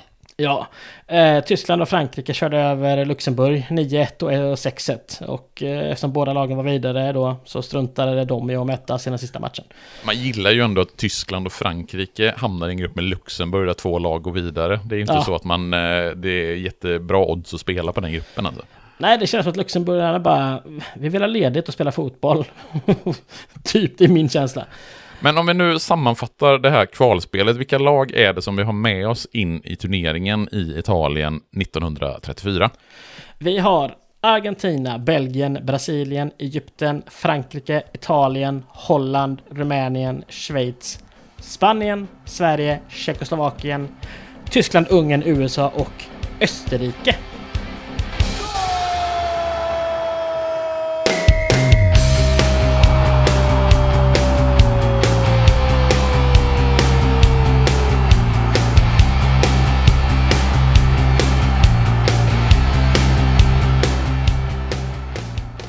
Och vilka är favoriter till att vinna det andra VM-guldet? För Uruguay, Uruguay, finns ju inte ens med som en, eh, ett lag att spela på här inför världsmästerskapet. Nej.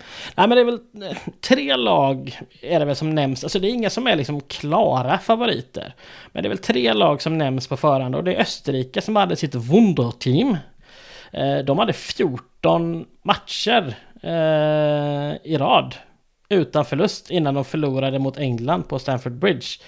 Eh, och då ska man också komma ihåg att vid den tiden var England, de var obesegrade hemma mot lag från Europa, eller alltså fastlands-Europa. Och var det en bit in på 50-talet, 1953 tror jag.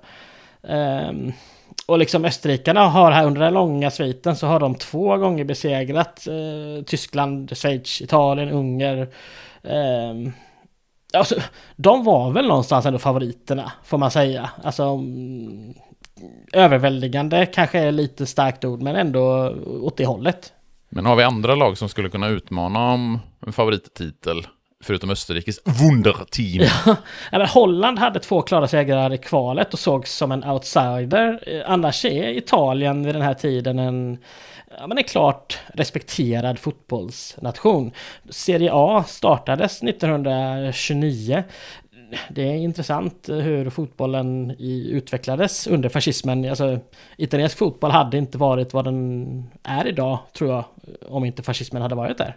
Som, eller, tror jag, har, tror folk som kan mer än mig, eh, till och med. Um, och liksom Vittorio Pozzo var erfaren och han var ju lagets eh, tränare då. Och det fanns en centraleuropeisk Mitropa Cup. Eh, och där hade italienarna, alltså de italienska klubblagen hade gått bra där. Och man var hemmalag. Och ja. Så att hemma, hemmaplansfördelen är ju också, ja den är ju klar för italienarna då. Ja, då ska man dessutom komma ihåg att med det fascistiska styret som man har haft i Italien under ganska många år fram till VM 1934 så har ju Mussolini tillskansat sig makt över de italienska klubbarna.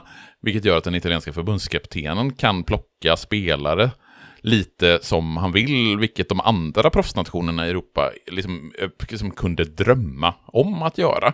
Så Italien har ju givetvis en fördel att man spelar fotboll i en diktatur på det sättet att ja, men förbundskaptenen får göra som man vill med de italienska klubblagen. Så det är klart att Italien tillsammans med kanske Österrike och till viss del Holland går in i eh, den här turneringen som favoriter. Och vi har ju konstaterat redan tidigare att vi har fler lag men vi har färre matcher. Hur kommer det sig? Vilket upplägg har man egentligen gjort i den här turneringen som gör att vi får den här lite kanske paradoxala situationen? Ja, men det är som jag sa innan, att man väljer ju helt att skippa gruppspel, utan det är ju ett rakt kuppspel. Och här måste jag någonstans komma ut lite som en tråkmåns. Det är väldigt tråkigt att både i det här VMet och i VM 1938 så får vi inte några gruppspel. Eh, man börjar istället med åttondelsfinalerna, följt av kvartar, semifinal, ja, bronsmatchfinal. Och jag tycker att det försvinner en, en, en, en dynamik i ett gruppspel. Visst, i förra VMet var det bara ettan som gick vidare. Det gör att en viss del av dynamiken försvinner också. När ett eller två, eller som det var då när det var 24 lag och det var åttondelsfinaler i VM senare, typ 94 när till och med vissa tredjeplacerade lag går vidare, då blir det ju en jättedynamik och liksom det blir varje match blir intressant där.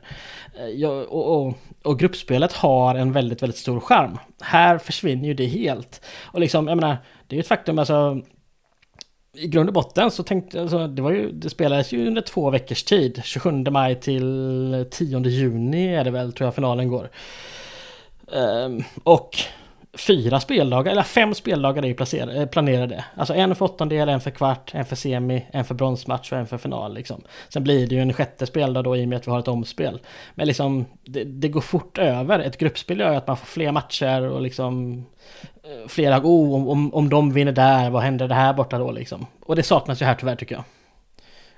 Men de här åttondelsfinalerna då som vi går in i turneringen med. Det är ju där allting börjar. Mm. De ska ju spelas samtidigt den 27 maj 1934 klockan 16.00 enligt någon form av fascistisk idé om att man ska visa upp sin förmåga att organisera ett världsmästerskap och ha de här matcherna på de åtta arenorna samtidigt. Och det är ju också anledningen till att vi har de åtta arenorna ja. i de åtta städerna som du nämnde tidigare.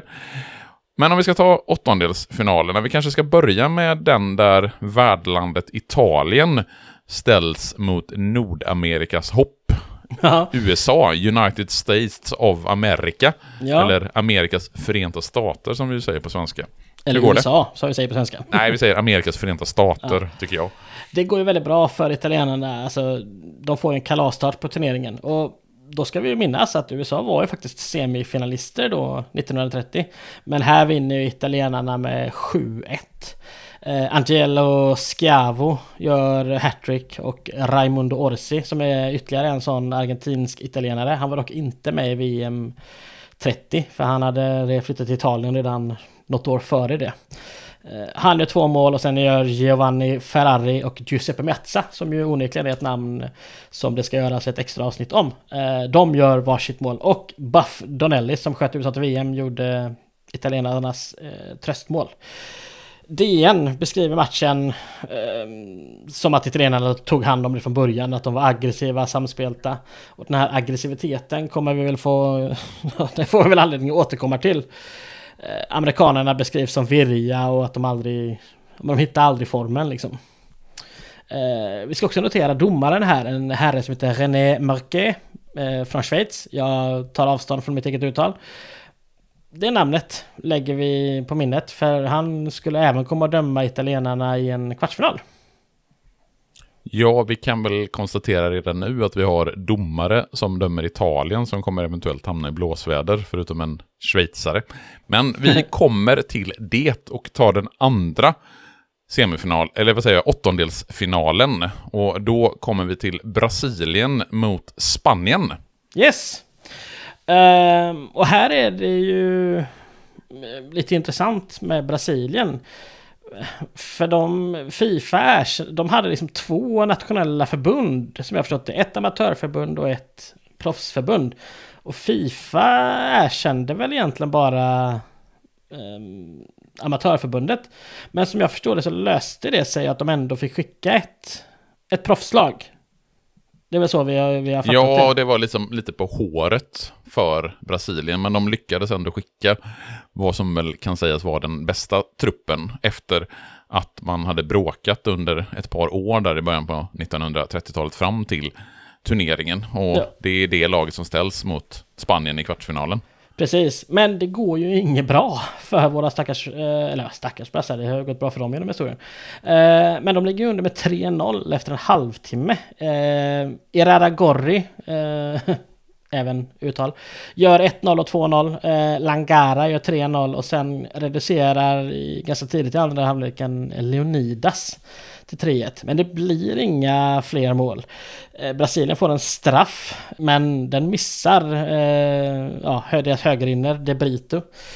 Ja, och det, ja, det, det blir liksom ingenting, mm, ja, det blir inget för brassarna. De får bara en match, sen får de åka hem. Och man måste ju ändå citera, jag tror att det är från Idrottsbladet, från den här jag tror att jag sa kvartsfinalen, men jag menar åttondelsfinalen givetvis. Att Ja. sydamerikanerna hade nämligen icke det minsta system i sitt spel och spelarna envisades med att gå för sig själva och visa hur bra tekniker de voro. Ja, det är ju... Det är ändå klass på, den, eh, på det referatet kan jag tycka. Det är, när man sitter och kollar de här gamla arkiven blir man jätteofta jätteglad på hur de skriver. Och sen så kommer den här tokrasismen in ibland där n-ordet används till höger och vänster. Och jag såg en artikel tidigare idag när jag var på 60-talet och här är det där det pratas om en om en chokladfärgad gosse som värvas från Brasilien till Inter. Och man bara på riktigt liksom. Ja, men eh, Ja. man måste ju ändå konstatera att det var en annan tid. Det var det. Eh, Men den här journalisten skulle tekniskt sett kunna leva fortfarande, för det här var liksom 60-talet. Mm. Eh, ja, nej men, ja. Ja, ja. Det var en annan tid, man skrev på ett annat sätt. Skit i det. Låt oss ta nästa åttondelsfinal, nämligen den mellan Ungern och Egypten. Mm.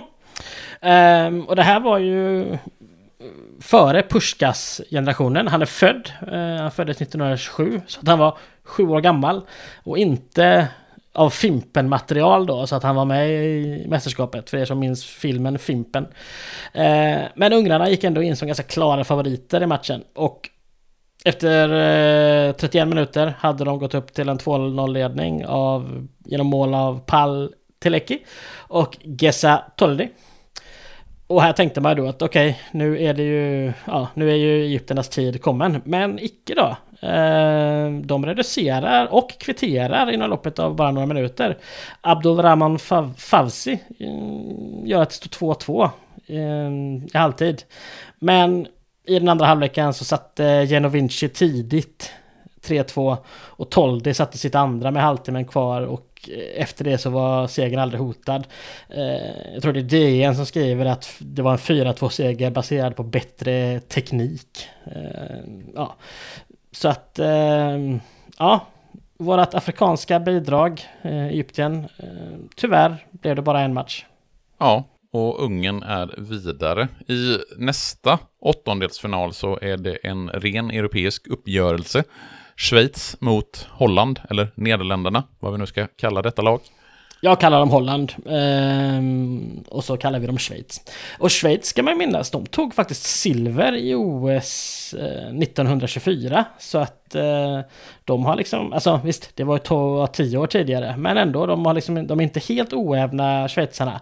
Och det är faktiskt vårat neutrala alpland som, som ska ta sig vidare rapporterna här, det, jag tycker det är roligt. Det, det finns en bok av en Robert Fielder som har skrivit eh, The Complete History of the World Cup. Och han skriver att holländarna frekvent var uppe hotade när de låg under i andra halvlek men att schweizarna höll ut och vann. DNs utsände däremot beskriver en match som schweizarna borde ha vunnit större och att de hade spelövertaget mer eller mindre genom hela matchen. Så att eh, det är också det här när man själv inte kan se mer än klipp så är det ju svårt att veta hur man ska förhålla sig till det. Jo, alltså det här blir ju också det klassiska när man som någon form av historiker ska bedöma olika källor gentemot varandra. Tendensiös. Och, ja, och att den här DN-journalisten någonstans var på plats. Han är samtidig i och med att vi kan läsa rapporterna som han har skrivit. Jag förutsätter att det är en han i det här fallet. Det är väl inte en orimlig det, förutsättning. Nej, det är väl inte en orimlig förutsättning. Och den rapporteringen som är från 1934 nedskriven jag vet inte alls vilka källor Robert Fielder använde sig av. Han var själv givetvis inte på plats, men han kan ju säkert ha bättre källor än den här DN-journalisten. Men det blir verkligen så här när man ska bedöma matcher från, som du säger, mästerskap där det inte finns rörligt material så vi kan titta på hela matchen och själva göra en bedömning.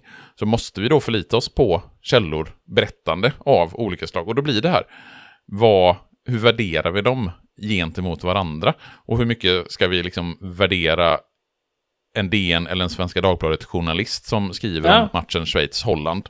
Ja, men jag håller mig fast vid lite det. För att jag kan ju läsa ett, ett tidningsreportage eller någon på internet som skriver någonting om en match och verkligen inte hålla med om det. Och jag själv har skrivit en del eh, matchreportage här genom åren för, för ja, mitt, det, som är mitt engelska klubblag. Och jag har ju fått massa folk bara, vad har du sett för match? Alltså många är ju liksom, ja men det var bra skrivet. Men många är också bara, vad har du sett för match? Eller när man sätter spelarbetyg liksom, 1-10 själv sätter man en 8 och bara, han var inte värd mer än en femma och bara, och då tänker man oftast, har du sett kriterierna för betygen? Men mm. man tänker också bara, när det kommer från liksom rimliga personer, bara, hur kunde du och jag tycka så olika om den här matchen? Och, och fotboll är ju intressant på det sättet att det är ju någonstans, visst, det finns ju fakta och statistik. Men det finns ju också känslorna liksom. Hur värderar man ett lag som står liksom... Ja men, ett lag som har 17 inlägg som fastnar på första försvarare. Men där det står två spelare fria i mitten och bollen bara går förbi. Har de gjort det bra eller alltså, har de varit nära att skapa många chanser eller har de varit usla? Det är ju det är liksom, det beror på hur man ser det. Jag kan också dra mig till minnes en människa som satte betyget 3 på mannen på taket. Ja, vilket jag tyckte var fullständigt orimligt. Jag kan med rätta ifrågasätta den mannens någonstans omdöme. intelligens, omdöme, värderingar Eh, överhuvudtaget rätt att leva och existera som människa. Men oh. jag fortsätter att göra en fotbollspodd med honom. Nej, då har du två poddar med honom numera. Ja, att, helt, eh, helt orimligt är det egentligen. Ja. Men okej, okay, vi kan vara ja. oense och vi kan liksom diskutera fram och tillbaka vem, som var, ja. mm, vem som var bäst och vem som hade tycke. Men vi kan ändå någonstans enas om de grundläggande fakta vem gjorde målen? Hur gick det i den här ja. matchen? Leopold Kielholtz satte två mål för schweizarna i den första halvleken. Eh, och Johannes eh, Schmidt, som jag väljer att kalla honom, gjorde ett för Holland. I den andra halvveckan utökade André Abeggen till 3-1 med knappt, inte Belgien, till Schweiz med knappt 25 minuter kvar. Eh, sen reducerade ändå holländarna bara liksom tre minuter senare. Eh, Lin Vente. Så att, ja, 3-2 står det där liksom då med 20 minuter kvar och antingen höll schweizarna ut komfortabelt eller så kom de undan med blotta förskräckelsen. Eller någonstans mittemellan, vi vet inte. Men eh, vann gjorde Schweiz. Och vi har ytterligare en europeisk uppgörelse. Det är ju många europeiska lag i den här turneringen, så det är inte jättekonstigt. Vi har Tjeckoslovakien mot Rumänien. Mm. Ka sa man tjeckerna? Alltså... Jag skulle ju rent formellt säga tjeckoslovakerna, men det är ju lite så som man säger holländare om Nederländerna, eller som man i och för sig helt felaktigt sa ryssar om Sovjetunionen och ja. sovjetiska hockeylaget, att det var den ryska första femman. Men säger du tjecker eller säger tjeckoslovaker, gör som du vill Gustav, jag kommer ja. inte döma dig. Jag dömer dig bara för att du satt en trea på mannen på taket. Tjeckerna gick in som favoriter, eh, men eh, hamnade snabbt i underläge. Elfte minuten, Stefan Dobaj, 1-0 till eh, Rumänien. DN eh, pratar om en väldigt hård vind. Eh, kanske var det den som förstörde matchen eh, så att tjeckerna inte fick det att stämma.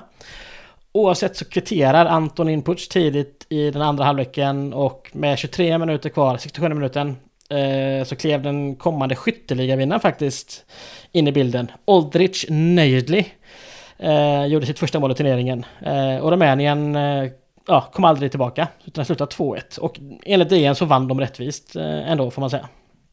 Och vi fortsätter med de europeiska uppgörelserna här i åttondelsfinalerna. Ja. Österrike-Frankrike. Ja, eh, den här matchen spelas i Turin i vad som beskrivs som tropisk hetta, vilket ju inte var jag kopplar ihop med Turin för det mesta. Men, eh, är det vi då på Stadio Benito Mussolini? Det var det va? Fantastiskt. Det. Ja, det måste ju vara Stadio Benito Mussolini vi är på. Det känns ju... Ja, det känns ju. det känns ju. Vi, kan, vi stannar där. Ja. Vi, tar, vi tar ingen politisk ställning. Det Nej. känns. Det känns. Nej. DN skriver att eh, eftersom österrikarna hade sånt enormt favoritskap så svek publiken då man tro, inte tyckte att det skulle vara värt att lägga en vacker sommareftermiddag på matchen. Det är också ett sätt att, sätt att agera. Eh, matchen i sig blev faktiskt eh, unik. För efter varsitt mål i den första halvleken, Jean Nicolas för Frankrike och Mattias Zindela för Österrike, så slutar den 1-1. Och därför är den här matchen den första i VM-historien att gå till förlängning. Och i förlängningen så fick österrikarna till det. De 2-1 Anton Schall, 3-1 Josef Bikan. Eh, innan eh, George, eller hur ska det uttalas? George Verrier säger jag. Han reducerade på straff med knappt fem minuter kvar. Eh, och här måste vi Jag har varit mycket i DNs arkiv, eh, inte fysiskt utan eh, på nätet. Dig digitalt. Digitalt. Det finns några underbara formuleringar tycker jag från den här matchen. Eh, där säger rätt ut att den allmänna meningen, vad nu det är, var att Frankrike eh, förtjänade segern. Man har också ett scoop att eh, Österrikes tränare ska ha sagt att han kommer ställa upp med fyra, fem nya spelare i nästa omgång. Eh, vilket så här, jämfört med nu, eh, jag kommer återkomma till liksom hur media och hur spelare pratar med media då kontra nu, för det är fantastiskt. Eh, men det bästa är ju att Meisel då, alltså Österrikes tränare, ska ha sagt att Frankrikes lag är alltid svåra att möta för att de spelar på Guds försyn och utan nämnvärt system. Det är ju en fantastisk diss på många sätt skulle jag vilja påstå. Ja, den är underbar. Vilken ja. jävla liksom sågning det där är ändå. Ja, sen så får vi återkomma till det, det har vi faktiskt inte sagt, men eh, det finns ju fortfarande inga byten tillåta. Och mm, Nicolas, som alltså gjorde Frankrikes mål, ska ha skadat huvudet tidigt i matchen. Vilket liksom ska ha hindrat fransmännen att de, ja, de blev en man kort. Även med att, som jag förstått det så lämnade han inte planen. Men han kanske inte bidrog lika mycket som han, som han hade gjort om han var frisk. Och vi fortsätter med europeiska lag. Vi har Tyskland mot eh, Belgien. Ja, nere i, eller nere i, men i Florens. Eh, där imponerade tyskarna eh, och besegrade i slutändan ganska enkelt eh, belgarna. Eh, Stanislaus Kobierski 1-0 efter 25 minuter. Eh, men sen så vände faktiskt belgarna. Bernard Forhoff Eh, gjorde två mål eh, i slutet av den första halvleken, eller resten av den första halvleken. Och de blev faktiskt till halvtidsvila, belgarna, med en 2-1-ledning. Men enligt samstämmiga rapporter, här verkar alla överens att andra halvleken för Tyskland ska ha varit mer eller mindre magnifik. Otto Siffling kvitterar fyra minuter in eh, och sen blir det The Edmund Conan Show. För han slog till med ett hattrick som eh, gör att matchen slutar 5-2 till Tyskland. Och om det här är viktigt eller inte får andra avgöra. Men vi pratade lite om hattricks i förra avsnittet. Eh, att Bert Patternord, amerikanen, gjorde, han gjorde nästan ett äkta hattrick för här blir ju definitionen då. Vad är ett äkta hattrick? För mig har ett äkta hattrick alltid varit om man gör tre mål i rad, ingen, inga andra mål emellan och det ska vara i samma halvlek. Bert Patternords hattrick gjordes ju två mål i första halvlek, ett mål i andra halvlek. Men här gjorde Edmund Conan alltså tre mål i rad utan halvtidsvila, utan att någon annan gör mål emellan. Så för mig är det här VM-historiens första äkta hattrick. Jag tycker att ett, ett äkta hattrick också ska vara med, man ska ett mål med vänsterfoten, ett med ja. högerfoten och ett med huvudet också. Det kallas för något annat. Ja, jag vet att det kallas för, jag kommer inte ihåg vad det kallas Nej, jag heller. tyvärr, men eh, det, det, är det roligaste hattrick. Vänsterfot, högerfot, huvud. Ja. Oh, nu ska jag ställa en fråga till dig som... Mm. Eh, Shoot. Ja. Vad kallas det när man skjuter eh, en boll i mål direkt från hörna? Det finns en term eh, som är kanske framförallt i den engelskspråkiga världen som jag förstått det när man skjuter mål direkt från hörna. Ja. Hade du inte kunnat fråga mig istället sådär, vad kallas det när man går typ 3, 4 och 5 under par i golf? Eh, det hade jag kunnat. Nej. Eh, för det heter nämligen eh, birdie, i, vad heter det? Birdie Eagle Albatross. Duktig. Men vad det kallas, kan du få ge mig en ledtråd på den? För den har jag faktiskt ingen susning om på rak arm. Okej, okay, uh, ja, den... Uh det, det, kommer sig av något som hände i OS 1924, tror jag. Ja, men det är ju en jättebra Nej. ledtråd. Någonting ja. som hände i OS 1924. Den plockar man ju på uppstuds Nej. sådär. Det heter, det kallas för ett olympiskt mål. Och jag tror att det är spansktalande okay. länder, inte, inte engelsktalande. Jag sa nog fel där. Eh, men det var någon argentinare som ska ha gjort ett eh, hörnmål direkt mot eh, Uruguay. Eh, och att, eh, ja, alltså helt enkelt att man skjuter bollen rätt i mål utan att någon är på den. Det mm. kallas mm. i vissa delar av världen för ett olympiskt mål i fotboll. Det var ny fakta som jag tar till mig och lägger i min lilla samling av onödigt vetande som jag tycker så mycket om. Vill du ha mer onödigt vetande? Absolut, kör på. Belgarnas målskytt i den här matchen, Vorhoff, eller Vorhoff, hur man nu uttalar det. Han är enda, en av endast fem eller kanske sex personer som medverkade i samtliga tre eh, alltså VM på 30-talet, alltså pre andra världskriget-VM. För det är något som jag tycker är lite kul, det har vi inte pratat om än, det är att eh, domaren från VM-finalen, John Langenus, han är med även i det här mästerskapet. Han dömde en match, Tjeckien-Rumänien som vi pratat om. Ehm, och han var även med 1938. Och spelarna Edmond Delfour, Etienne Matlet, Nicole Kovacs och en brasse som heter Patesco var som spelare uttagna i samtliga tre VM-trupper. Eh, alltså 30, 34, 38. Dock ska det sägas att Patesco finns det ingen direkt konsensus om han faktiskt var med 1930. Fifa säger att han var med, men eh, typ ingen annan. Uh, ja, så sex eller fem personer involverade i samtliga tre mästerskap. Och nu är vi verkligen på finsmakarnivån för vad det gäller här quizkunskap. Vad det gäller. Du får frågan på eh, ett ölquiz sådär. Vilka fem eller sex personer medverkade i samtliga fotbolls-VM för herrar under 1930 Fattar du stämningen dör på alltså, det quizet när du ställer en fråga? alla går. Och Men... Bara, du är en idiot. Eftersom du är en idiot och vi måste någonstans fånga lyssnarnas intresse här så kanske det är dags att ta Sveriges åttondelsfinal mot ja. Argentina. Den sista åttondelsfinalen. Ja, eh, Sverige fick ju Argentina.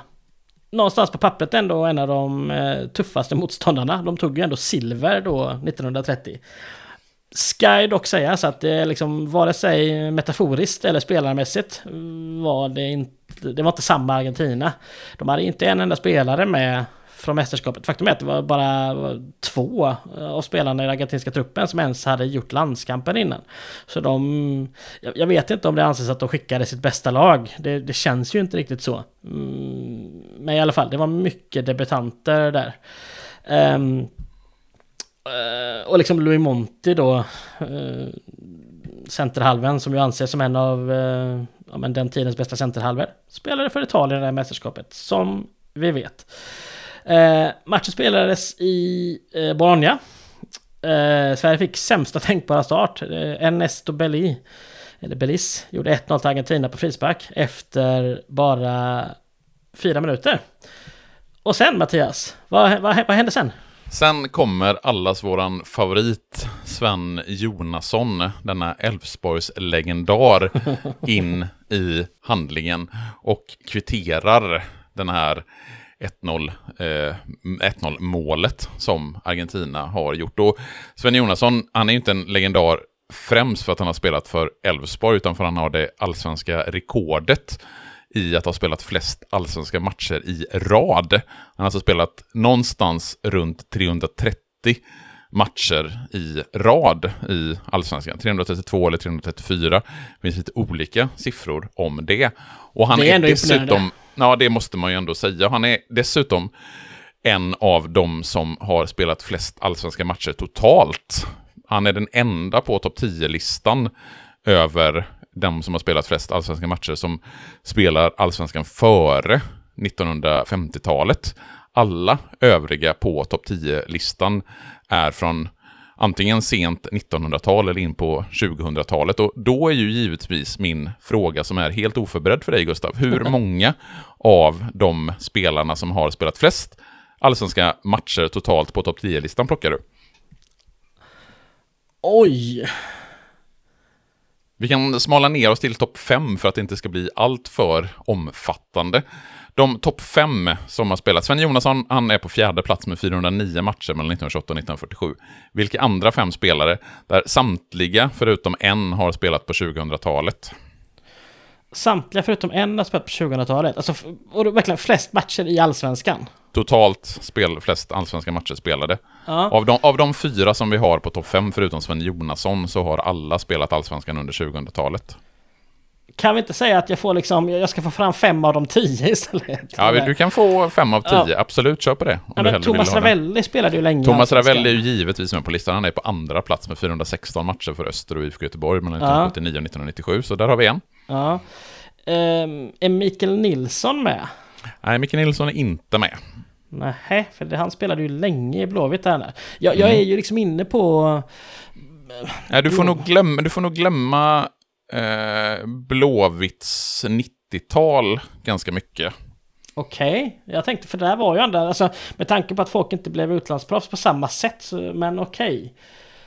Så alltså, nu är det egentligen Ravelli spelade ju inte på 2000-talet, så nu är det spelare som har spelat mm. från 00-talet och framåt som vi är ute efter. Sam, samtliga de här har, eh, de har, några av dem har spelat både på 90-talet och 00-talet. De har alltså varit i skarven där, men alla de här har åtminstone gjort allsvenska matcher under eh, 00 eller 10-talet. Men jag går på en, alltså Bengt Andersson spelade ju till han var 40.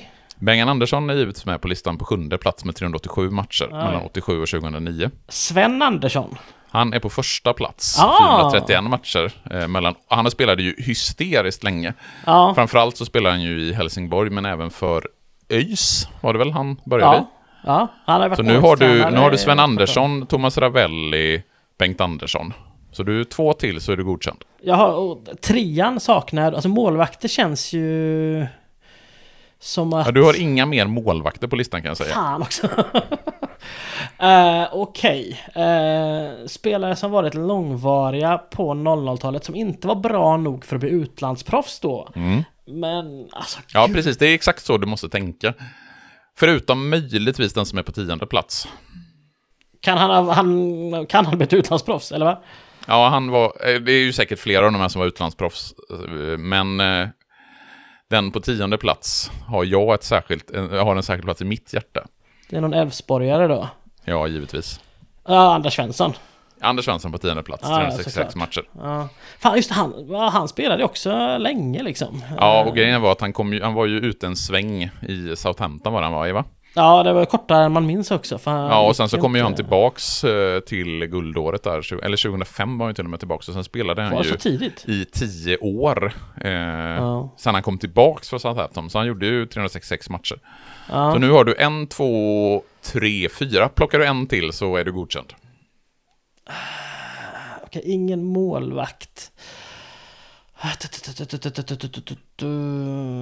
Det, alltså, det luktar ju så här defensiva mitt... Ja men eh, Rydström. Nej, Rydström är faktiskt inte med på listan. Det hade, man, det, det hade min gissning hamnat på Rydström, men han är inte med på listan. Nej. Eh, Okej då, för han kändes ju klockren annars. Eller ja, Kalmar låg kanske inte i Allsvenskan hela tiden. Mm. Nej, jag tror att det är just det som är anledningen till att han inte är med, att Kalmar inte har legat i Allsvenskan under de, alla de år han har spelat i Kalmar. Nej, för jag vet att... ehm, vad heter han nu i Mjällby? Gjorde ju typ sin 300 mm, David Löfqvist heter han väl? Gjorde Mm. sin 300 allsvenska match här nyss. Alltså typ mm, mindre än en månad sedan. Men Mjällby har ju inte legat i allsvenskan. Alltså de pendlar ju liksom. Man vill ju ha ett stabilt allsvenskt lag. Men vi kan ju säga så här, förut, för att du inte ska hålla på och försöka komma undan det här. Vi har Sven Andersson på första plats, Mm. den har du plockat. Thomas Ravelli på andra plats, den har du plockat. Sven Jonasson på fjärde plats, den har jag gett dig. Ja. Så trean med Ja. 411 matcher mellan 1993 och 2013. Det är ju ändå en, eh, en spelare som du borde plocka, kan jag tycka. Vill du ha någon ledtråd? Spelade han liksom i samma klubb hela tiden? Nej, merparten av tiden så spelar den i samma klubb, nästan hela tiden. Han har blivit en legendar i sin klubb. Är, är det en allsvensk klubb ute efter? Eller har han varit i flera allsvenska klubbar? Han har varit i två allsvenska klubbar, möjligtvis att det tredje laget låg i allsvenskan i början på 90-talet, men det är framförallt, ja, det är framförallt en klubb som han är Ja. känd för, och du borde ha ett särskilt ont öga till honom kan jag tycka. Är han råtta? Givetvis är han råtta då. Han är dessutom var den som avgjorde den klassiska matchen. Kärnström? Mycket riktigt. Daniel. Daniel, Tjärnström, 411 matcher Ja. mellan 1993 och 2013. Framförallt då för AIK givetvis, men han spelade Ja. även i Örebro just i slutet på 1990-talet. Men i AIK huvuddelen av tiden. Vill du plocka Mm. en till för att vara helt säker på att vara godkänd, eller ska jag dra hela listan? Ja, men jag, jag, jag, jag, jag vill ju, men eh, jag tror inte jag kommer... Jag kan, jag kan ge dig någon ledtråd möjligtvis. Att eh, den som är på femte plats, där har vi en spelare som framförallt har spelat i två klubbar, Halmstad BK och IFK Norrköping. Andreas Johansson. I mycket riktigt. Då tycker jag faktiskt att du måste få räkna som godkänd. Tack. Med att du plockar de två med lite hjälp, men du tar Ja. två stycken där åtminstone. I övrigt så har vi Stefan Ishizaki, 399, Ah. 392 matcher på sjätte plats. Kristoffer Andersson, Tommy Jönsson har vi eh, som Tommy övriga namn på den. Jönsson. Mm, Tommy Jönsson, gamla backen från eh, HBK. Ja, ja, ja, just det. Jävlar mig. Ja, precis. Med den lilla utvikningen där jag fått Gustav att svettats Ja. över sin okunskap av om allsvenska trotjänare. Nej, men du får faktiskt, jag får ge dig godkänt, så jag ska inte håna din kunskap. Låt oss gå tillbaks till Sverige-Argentina. Sven Jonasson har kvitterat. Vad händer sen? Ehm, ja, han kvitterade ganska snabbt efter eh, Bellis eh, ledningsmål. Men i början av andra... Alltså, Sverige inledde båda halvlekarna dåligt. För tidigt i andra halvleken så sätter Alberto Galliato 2-1 till argentinarna. Men din käresta Sven Jonasson kommer till räddning igen. 67 minuten kvitterar han. Och med drygt eh, 10 minuter kvar satte eh, Knut Kron, som vi känner igen då från Estlandsmatchen i kvalet, han satte det avgörande 3-2 målet och Sverige faktiskt eh, ja, tar och slår ut Argentina och går till eh, kvartsfinal. Men vi kan ju inte lämna den här matchen bara Nej, med det- det här liksom. kan vi ju verkligen inte göra, för det är ju inte resultatet som har kommit att stanna i historieböckerna någonstans, utan det är ju det som det svenska laget gör inför matchen. Det är ju att de gör den här klassiska fascisthälsningen med armen upp. Och de här, den här fascisthälsningen, den får ju stora rubriker i svensk media. För vi har ju varit inne lite grann på det i våra referat till Dagens Nyheter framförallt och delvis också till Svenska Dagbladet. Men VM 1934 i Italien, den, det är ju en väl täckt VM-turnering. Den är ju väl rapporterad på så vis att det finns referat från alla matcher och vad jag har förstått det som så är de stora tidningarna från Sverige, de har egna reportrar på plats. Ja, det verkar så. så. den här fascisthälsningen som det svenska laget gör, den rapporter rapporteras om i de stora tidningarna, det rapporteras om det i radio och flera av de svenska spelarna när de kommer hem till Sverige. De eh, får ju lida ganska ordentligt. Anders Rydberg, som är en av de svenska spelarna, han blev ja. utesluten ur sin hyresgästförening när Oj. han kommer tillbaka till Sverige. Ernst Andersson, han tvingas göra avbön inför sin avdelning i Metallarbetarförbundet. Det är blå, Blåvitt-spelarna, socialistiska Blåvitt. Ja, alltså det finns ju verkligen en koppling där ja. till mellan, eh, mellan arbetarrörelsen och det laget som jag inte tänker ta i min mun. men eh, ja, men de, de, de, det händer saker när de kommer kommer till Sverige. För att, visst, man kan ju prata om det här ta seden du kommer och att du är ett fascistiskt land, men det här att de gör så uppenbart står och gör fascisthälsningen och att det hamnar på bild, det gör sig inte jättebra när det rapporteras i den lokala hyresgästföreningen eller på den lokala metallarbetarklubben. Nej, det kan jag, så, det kan jag förstå. Mm, lite skandal kan vi väl verkligen prata om. Ja. Ja, vi måste också prata om DNs rapportering. Alltså det är ju det är ju fantastiskt. Ehm, för, för, jag tycker, jag tycker att, nu vill jag gå tillbaka till modern tid lite. Jag tycker att fotbollsspelare idag och fotbollstränare det hålls ju presskonferenser till höger och vänster och ingen säger ju någonsin någonting av värde. Senast en svensk fotbollsspelare sa något intressant var väl när Kim Källström kommenterade, det var väl flyktingkrisen eh, som han på någon presskonferens och liksom pratade om medmänsklighet och sådär. Och det blev en jättegrej att liksom shit, här sitter en fotbollsspelare och säger saker som en riktig människa. Eh, sen så har han ju liksom inget uppseendeväckande. Eh, jag trodde att du skulle säga att det senaste gången som någon fotbollsspelare sa något om värde var när Glenn Hysén efter VM 90 sa det är kuken, nu ska jag bli fullt i midsommar. Nej, men nej. Ja, det, det, är också ett bra uttalande och det, jag, jag hoppas att han efter 1-2, 1-2, 1-2 fick bli full till midsommar. Nej, men jag menar mer det sägs ju ingenting. Jag har sett om några matcherna från VM 94 här sista tiden och då är det en del en del reportage får man också se från den tiden. Och jag tror att det är, nu, nu har jag inte kollat om dem så nu har jag inte citaten rakt av.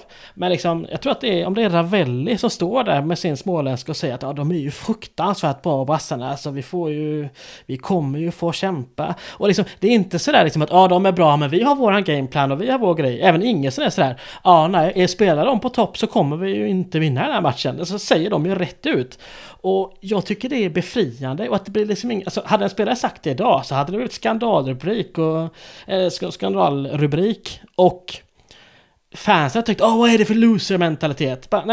Och jag är av den starka uppfattningen att, men, att, att någonstans ersätta för, eller, eller erkänna förutsättningarna på förhand och sen även i efterhand när man har förlorat, de var bättre det, det, det, innebär inte att man på något sätt kommer göra, att man har förlorat matchen mentalt eller att man kommer göra en sämre insats.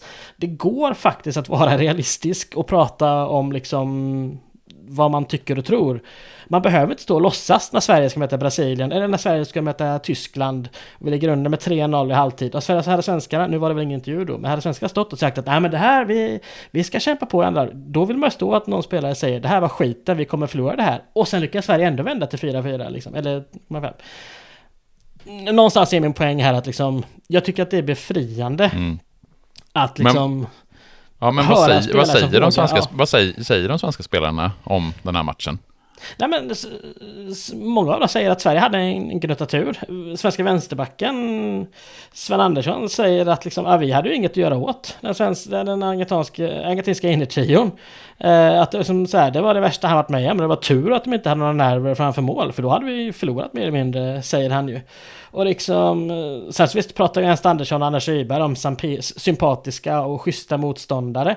Och liksom högerytten Gösta Dunker påstår att det var den hårdaste planen han eh, spelat på. Så de säger, alltså efter matchen säger de inget, eh, alltså just det här nu kanske jag tog min rant vid fel tillfälle för att här säger de liksom inget som är så här superkontroversiellt och som hade varit superkontroversiellt med dagens mått. Jag menar bara att de säger någonting. Det är inte bara plattityder. Jag som har sett mycket Premier League efter en uh, seger. Oh, good game. We, we bounced back from the last time. It was a very good team. Thanks to my teammates. Liksom.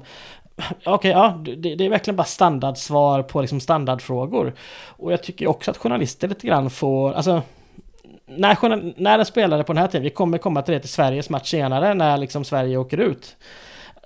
Så, så pratar svenska reserverna om ja, men vad man tycker lite grann liksom hade det hänt idag så hade det ju, det har varit huvudrubriken. Svenska Mm. spelarna sågar liksom. Men där blev det en liten notis i sidan av. Därför att Mm. det var någonstans en mer rimlig bedömningsnivå kan jag tycka. Och det var inte någon klickjournalistik som jag tycker att det är idag. Mm. Så att det, det där, ja. Rant att, om, att det var bättre förr från Gustav Mm. kom här. Men, men, Men, ja. ja, men ska vi ta kvartsfinalen mellan Sverige och Tyskland? Pang på, för nu är vi färdiga med åttondelsfinalerna och låt oss gå in på kvartsfinalerna. Ja, och börja med det. Sverige-Tyskland kanske. Ja. Ehm, när vi så här, lägger ihop olika inför matchen-grejer så, så verkar det som att det har ösregnat före match. Vilket eh, ska göra planen ganska dålig. Men under själva spelet så ska det ändå ha varit uppehåll eller åtminstone inte mer än, mer än duggregnat. Men, men sammantaget så ska Sverige ändå ha gjort en, en bra insats och inte varit allt för långt ifrån att komma undan med ett kryss och alltså tagit det till förlängning. Ehm, Men Sverige drabbas av en skada en bit i den andra halvleken. Ernst Andersson eh, krockade med Nils Rosén och eh, drabbades enligt den svenska tränaren av halv blindhet. Andersson själv ska ha velat fortsätta men en italiensk läkare på plats eh, satte stopp. Och eh, med en man mindre så kunde Sverige inte längre stå emot utan den tyska högerinnen Karl Håman gjorde två mål inom loppet av tre minuter efter ungefär en, eh, en timmes spel. Och Sverige ska ha pressat på och liksom skaffat ett antal chanser och med åtta minuter kvar så reducerar Gösta Dunker. Eh, men sen ska den tyska målvakten Kress ha storspelat och gjort eh, ja, ett, ett flertal fina räddningar. Eh, så att Sverige får inte in någon mer boll utan vi eh, vi förlorar mot, eh, ja, med 2-1 och är tyvärr då utslagna ur eh, turneringen. Och hur snackas det efter matchen? Det snackas ju om en fenomenal Anders Rydberg i det svenska målet, vilket väl säger en del om att tyskarna också varit tämligen eh, bra. Domaren Rinaldo Barlasini ska ha sagt att det var trevligt att döma två så sympatiska lag. Eh, och så tycker jag det är, här kommer den där de svenska reserverna, för det är DNs, de har liksom så här matchrapporter och krönikor. Sen har de så här sagt från platsen de är på. Och där börjar det ofta med så här, med spelarna med Ernst Andersson och sen kommer det bara ett efternamn som ingen vet vem det är och sen kommer det så här, de svenska reserverna. Eh, jag tror också det här är som så här, alla amerikanerna. Vad, vilka är alla amerikanerna? Eller mannen i telefonväxeln. Det känns ju som någonting som den här DN-journalisten lite på fyllan har suttit och hittat på, eller talat, när man läser de matchrapporterna. Man tycker det, men jag, jag tycker vi ska lita. Ja, jag tycker absolut vi ska lita på de här eh, fulla DN-journalisterna nere i Italien. Sitter där och dricker italienskt vin och fyller till framåt kvällen och så skickar de sina rapporter med någon jävla telex upp till Stockholm. Ja, ja, men de svenska reserverna då tyckte att Gösta Dunker skulle ha petats till matchen till förmån för Gunnar Olsson. Och det är lite det jag menar, alltså, hade det sagts idag efter att Sverige åkte ut en VM-kvart. Säg att Sverige åkte ut, ja men vi åkte ju VM-kvarten eh, mot England 2018. Eh, Säg att, ja, vad, vad hade vi för svenska spelare på bänken? Uh, ja, skitsamma. Någon spelare på bänken hade sagt att ah, nej men Granqvist borde ju inte ha spelat i försvaret. Där borde ju spelare X ha spelat istället. Det hade ju blivit ramaskri. Men här ska tydligen de svenska spelarna kunnat säga så och då blir det en liten notis i tidningen. Mm. Ja, annan tid. Det var inte heller förbundskapten på det sättet. Alltså Nadja anställdes ju till mästerskapet. Förbundskaptener har man ju inte, de är ju tränare för laget. Det finns en uttagningskommitté som tar ut lagen och sköter, ja, sköter allting emellan liksom. Men det är också en intressant sak att de svenska reserverna tycker att Rune Karlsson borde petats mot Granat, står det bara. Och det är roligt för att när man kollar i den svenska VM-truppen så finns det ingen Granat där. Och efter mycket sökande, jag satt en hel kväll här och spammade dig med olika tidningsklipp. Jag älskar att du också kommenterar det här kaninhålet där man sitter eh, timme efter timme i olika digitala arkiv för att hitta någon meningslös detalj för att man tänker att man ändå är någonting stort på gång. Ja, Tänk när jag satt eh, flera timmar, eller flera dagar och försökte eh, röna ut vilka som har varit julvärdar vissa år under 1970-talet. Välkommen i klubben Gustav. ja, och du fick ju ett scoop där kan man säga. Du ändrade ju lite grann, inte historiens gång, men vad, hur historien... Jag ändrade en Wikipedia-sida åtminstone. Ja, precis. Och liksom fick fakta på plats. Eh, jag listade någonstans ut att alltså, granaten som de hänvisar till är öjsaren Erik Granat. Som jag alltså då inte var med i den svenska VM-truppen. Varför tycker de svenska reserverna att han skulle spelat? Jo, det hittas ju då i tidningsklipp.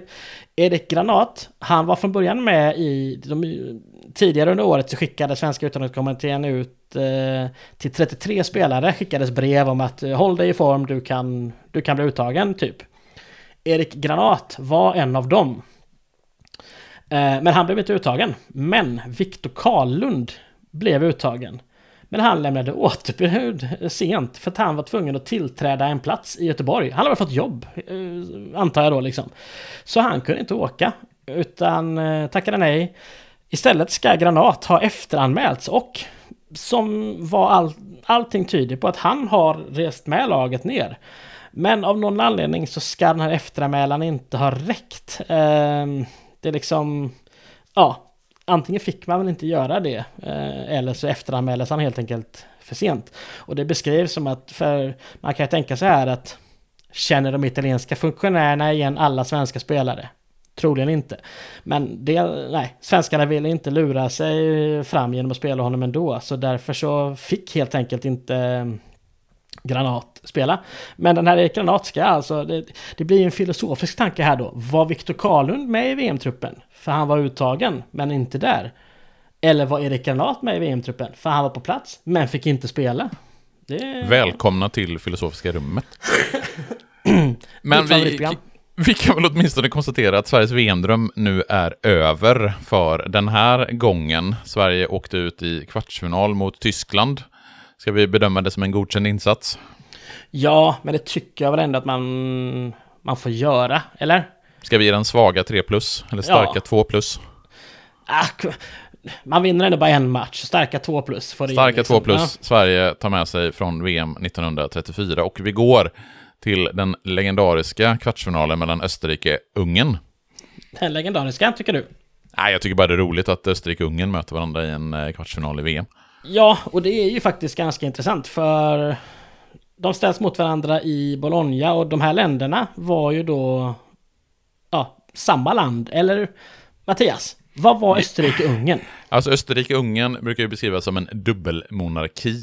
Och som jag redan har varit inne på så är ju Österrike-Ungern kanske mest känt för att vara på den förlorande sidan i första världskriget. Är det någonting man kan om Österrike-Ungern så är det ju att Österrike-Ungern var med och startade första världskriget eftersom den österrikiske-ungerske tronföljaren Frans Ferdinand sköts till döds i Sarajevo sommaren 1914 och det är det som startar allting som sen leder fram till första världskriget. Och sen så lyckas Österrike-Ungern hamna på fel sida tillsammans med Tyskland och det Osmanska riket och torskar i första världskriget. Och man torskar så hårt att man tvingas upplösa hela det här jätteriket. Och ja, för Österrike-Ungern var väl inte bara Österrike och Ungern? Nej, det var ju ett, ett jättestort rike som innefattade Österrike, Ungern, flera av de jugoslaviska staterna och delar av, men man skulle nästan i princip säga alla östeuropeiska stater, kanske förutom de som ligger allra längst ifrån. Men det var ju det var verkligen ett jätterike och jag vet att det cirkulerade ju ett eh, meme i samband med, jag tror att det var EM 2016 eller något liknande, där Österrike möttes mot Ungern. Och någon gjorde ett roligt meme där. Sir, there will be an Austrian-Hungary match for in Euro 16. Och så har vi, jag tror att det är eh, Frans Ferdinand eller någon annan som säger against whom. Ah, så ja. att Österrike och Ungern möter varandra. Men alltså, det, det, är inte jätteroligt om man nu ska titta på det utifrån ett faktamässigt perspektiv. Det kanske man inte ska göra med den här typen av fotbollsmeme. För Österrike-Ungern var ju egentligen aldrig ett land på det sättet. Utan det... Man hade till exempel inte ett gemensamt pass för hela Österrike-Ungern, utan var du född i den österrikiska delen, då hade du ett österrikiskt ah, pass. Okay. Var du född på den ungerska delen så hade du ett ungerskt pass.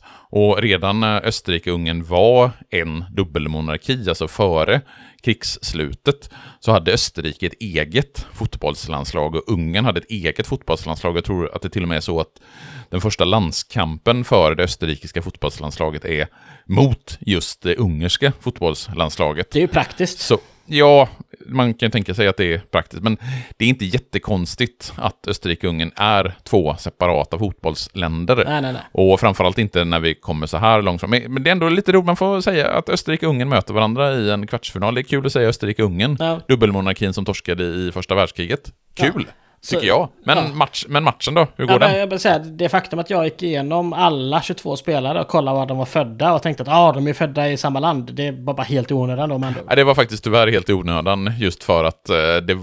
Visst, det var en, en, en, någon typ av union, men de hade ju inte samma pass för att Nej. de var så födda i Österrike-Ungern. Allihopa. Då skiter Så vi i det. vi har, vi, har en, vi har en kvartsfinal mellan de här två landslagen. Ja. Tuff kvartsfinal. Oerhört tuff. Eh, båda lagens, eh, ja, deras tekniska skickligheter, eller skicklighet, ska ha liksom fått stå till sidan för, för fysiken. Eh, Johan Horvath gav tyskarna ledningen tidigt, efter bara åtta, åtta minuter. Sex minuter senare, nej förlåt, eh, sex minuter in i den andra halvleken utökar man ledningen eh, till 2-0. Eh, innan Georgi Sarosi reducerade på straff efter en eh, timmes spel. Och mellan eh, 2-0 och eh, 2-1 så blev eh, Ungerns högerytter Imre Marcos utvisad, vilket var den här turneringens enda utvisning faktiskt. Och i slutet av första halvleken så hade ungrarna förlorat sin högerinner Istvan Avar på grund av skada. Så att liksom från matchminut, jag har för mig att det är typ 55, så är man alltså bara nio man. Och då lyckas man alltså ändå eh, skapa en straff där efter Zizeks eh, 2-0 så att Sarosi kunde sätta 2-1. Men sen ska schweizarna ganska komfortabelt ha, eller schweizarna, österrikarna, i samma land. Det är verkligen inte samma land, men visst, fortsätt du. Ja. Nej, men efter det så ska Österrike ha kunnat kontrollera det här och liksom tagit sig ganska bekvämt till eh, semifinal. Dock fortfarande utan att egentligen imponera, ska sägas. Men, Så det här eh, österrikiska Wunderteamet Ja, eh, har tagit... Den österrikiska Wunderbaumen har tagit sig till semifinal utan att imponera. Tjeckoslovakien-Schweiz Ja, har vi som en kvartsfinal ja eh, men eh, enligt tidningsuppgifterna ska det ha varit en, en bra match, välbalanserad. Eh, Kielholtz, Leopold Kielholtz har vi hört om tidigare. Han gjorde 1-0 till Schweiz efter 18 minuter i den här matchen. Eh, men Tjeckoslovakien skulle vända. František Svoboda kvitterade. Eh, och i början av andra halvlek satte Jiri Sobotka 2-1 till tjeckerna. Men schweizarna kom tillbaka. Willy Jaggi kvitterade med 12 minuter kvar, men skyttekungen Oldrich eh, Nejedli avgjorde matchen med 8 minuter kvar eh, och gjorde 3-2. Enligt DN så hade, hade ja, Schweiz hade fler anfall, men tjeckerna, eller tjeckoslovakerna, var effektivare kort och gott. Och så har vi den fjärde och sista kvartsfinalen och då blir det ju politiskt intressant för vi har det fascistiska Italien mot någon typ av folkfronts-Spanien. Nu vet jag inte ärligt talat hur mycket den här vänsterfolkfronten har kommit att påverka det spanska fotbollslandslaget 1934. Men på pappret kan vi ändå kanske tänka oss att det är lite grann av ett hatmöte. Det är den fascistiska mot den socialistiska nationen kring Mm. Medelhavet. Och det blir en eh, holmgång som heter duga. Ja, det blir ju verkligen. Och, och om, om italienarna löste sin åttondelsfinal utan större problem eh, på egen hand, utan, så här, man säger, utan fascistoid hjälp, så behövde de desto mer hjälp den här gången. Eh, det skulle bli två matcher. Den första slutade 1-1. Eh, 1-1 efter 90 minuter och inget lag gjorde heller mål i förlängningen. Och straffläggningen var ju liksom inte... Ja, den var ju inte uppfunnen som fenomen. Luis eh, Regueiro eh, gjorde spanjorernas mål efter en halvtimme och eh, Giovanni Ferrari kvitterade i slutet av första halvlek. Eh, och här finns det roligt, för enligt deras uppgifter, eller deras rapport, så ska domaren ska inte ens ha, ha sett kvitteringen hända. För han ska ha varit och kollat till Giuseppe Meazza som ska ha legat skadad. Eh, och helt plötsligt typ bara bollen i mål och domaren ska ha rådfrågat sin linjeman som ju rimligen befann sig en, en bit därifrån. Och han ska bara godkänt målet och eh, 1-1 var ett faktum. F- Det här är en domarskandal. Det går liksom inte att komma, komma undan det. Eh, jag har sett en del filmklipp från det här och liksom, det, man, man ser ju rena attacker från, alltså verkligen fysiska attacker från italienska spelarna. Särskilt på Ricardo Zamora, alltså spanjorernas eh, duktiga målvakt som gjorde en riktigt bra match. Och det säger ju någonting att liksom, visst omspelet spelas dagen efter. Men sju spelare från Spanien lyckas inte komma till spel till den matchen. Däribland då målvakt Zamora. Som ju rimligen inte liksom är fysiskt slut på grund av att han har sprungit mycket. Utan skadad liksom. Ja, och det säger väl ändå någonting om vilken typ av match den första matchen var. Ja. Och i mål får då eh, istället en landslagsdebutant för Spanien ställa sig, Juan José Nogues. Och det var liksom på veckan ett dygn efter avsparkstiden den 31 maj. Så, så startar man omspelet, alltså den 1 juni eh, 1934.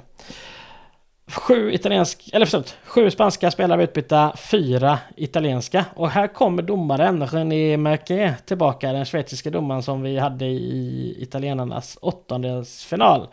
Och om, så här, om vi börjar med att konstatera det faktum att när turneringen var över så åkte han hem och stängdes av från att någonsin eh, döma igen. Och en fransk eh, tidning ska ha beskrivit eh, hans insats som att han ofta såg ut som en tolfte italiensk spelare.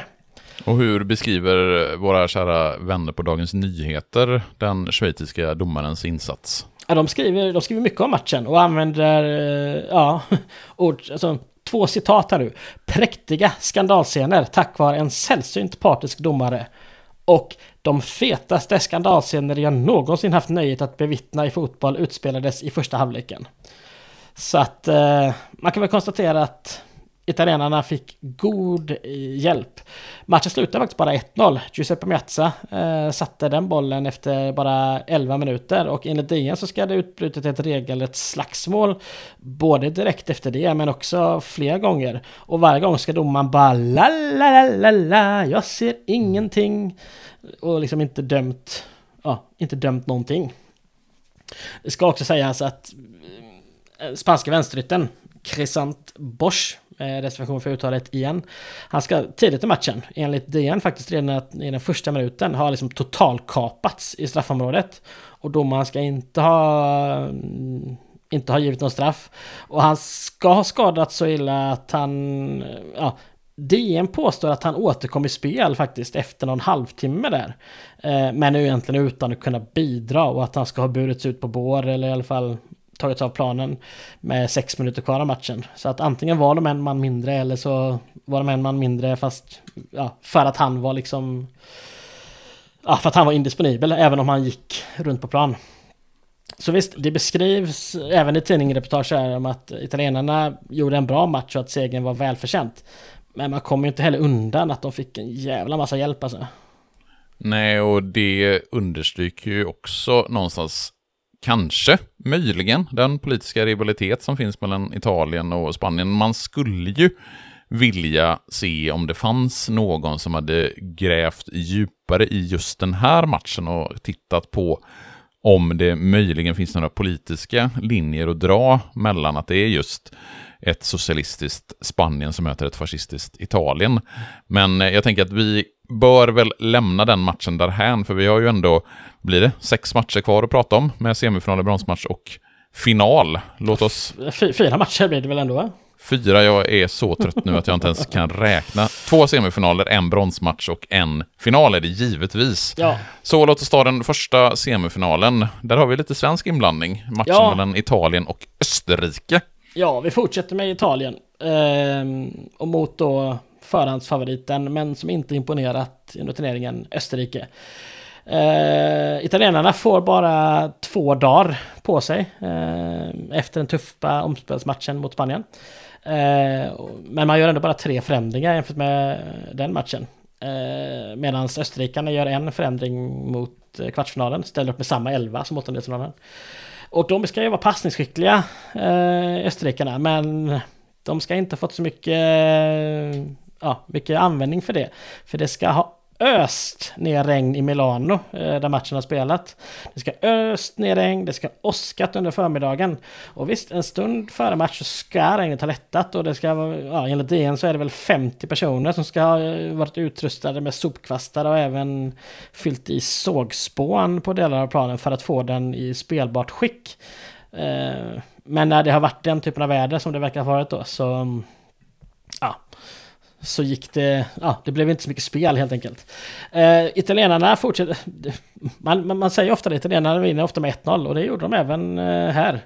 Eh, ganska tidigt mål av högerytten Enrique Guaitia, eller ja, Guaita.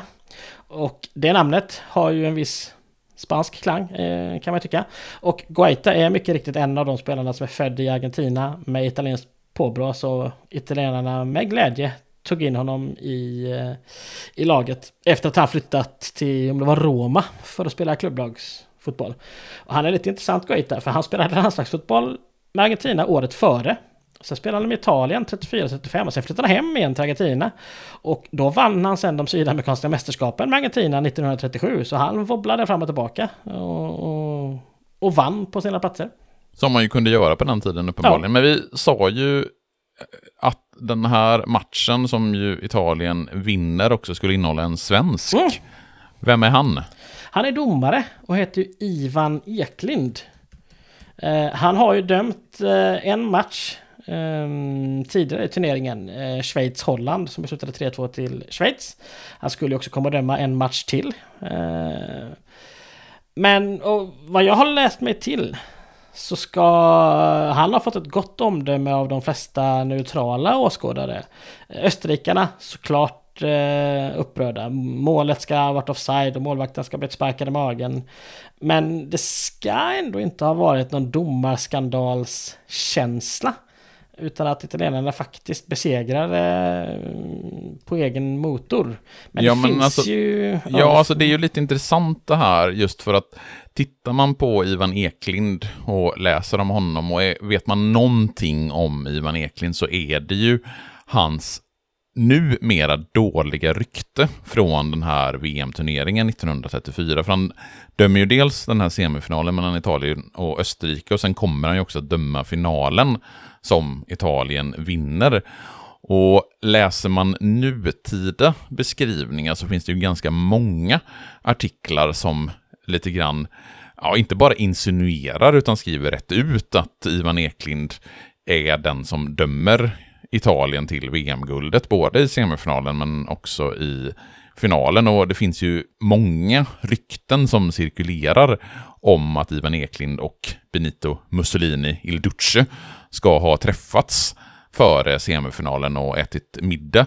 Mm. Och det finns en intervju med den österrikiske forwarden Josef Bickan Också där reservation för mitt uttal. Den här intervjun är långt, långt, långt, långt efter själva VM-turneringen. Det är i slutet på 1990-talet. Där han beskriver det som att både den österrikiska tränaren och hans lagkamrater var medvetna om att matchen i princip var fixad.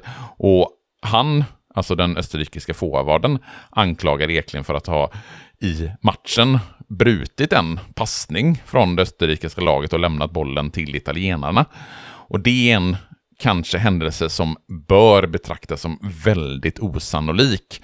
För visst, Ivan Eklind kanske var partisk i den här semifinalen. Samtida rapporter tyder inte på det, men eh, sentida rapportering tyder på det. Men en sån här uppenbar grej som att han skulle gått in liksom och brutit en passning och spelat bollen till italienarna, jag har svårt att se oh.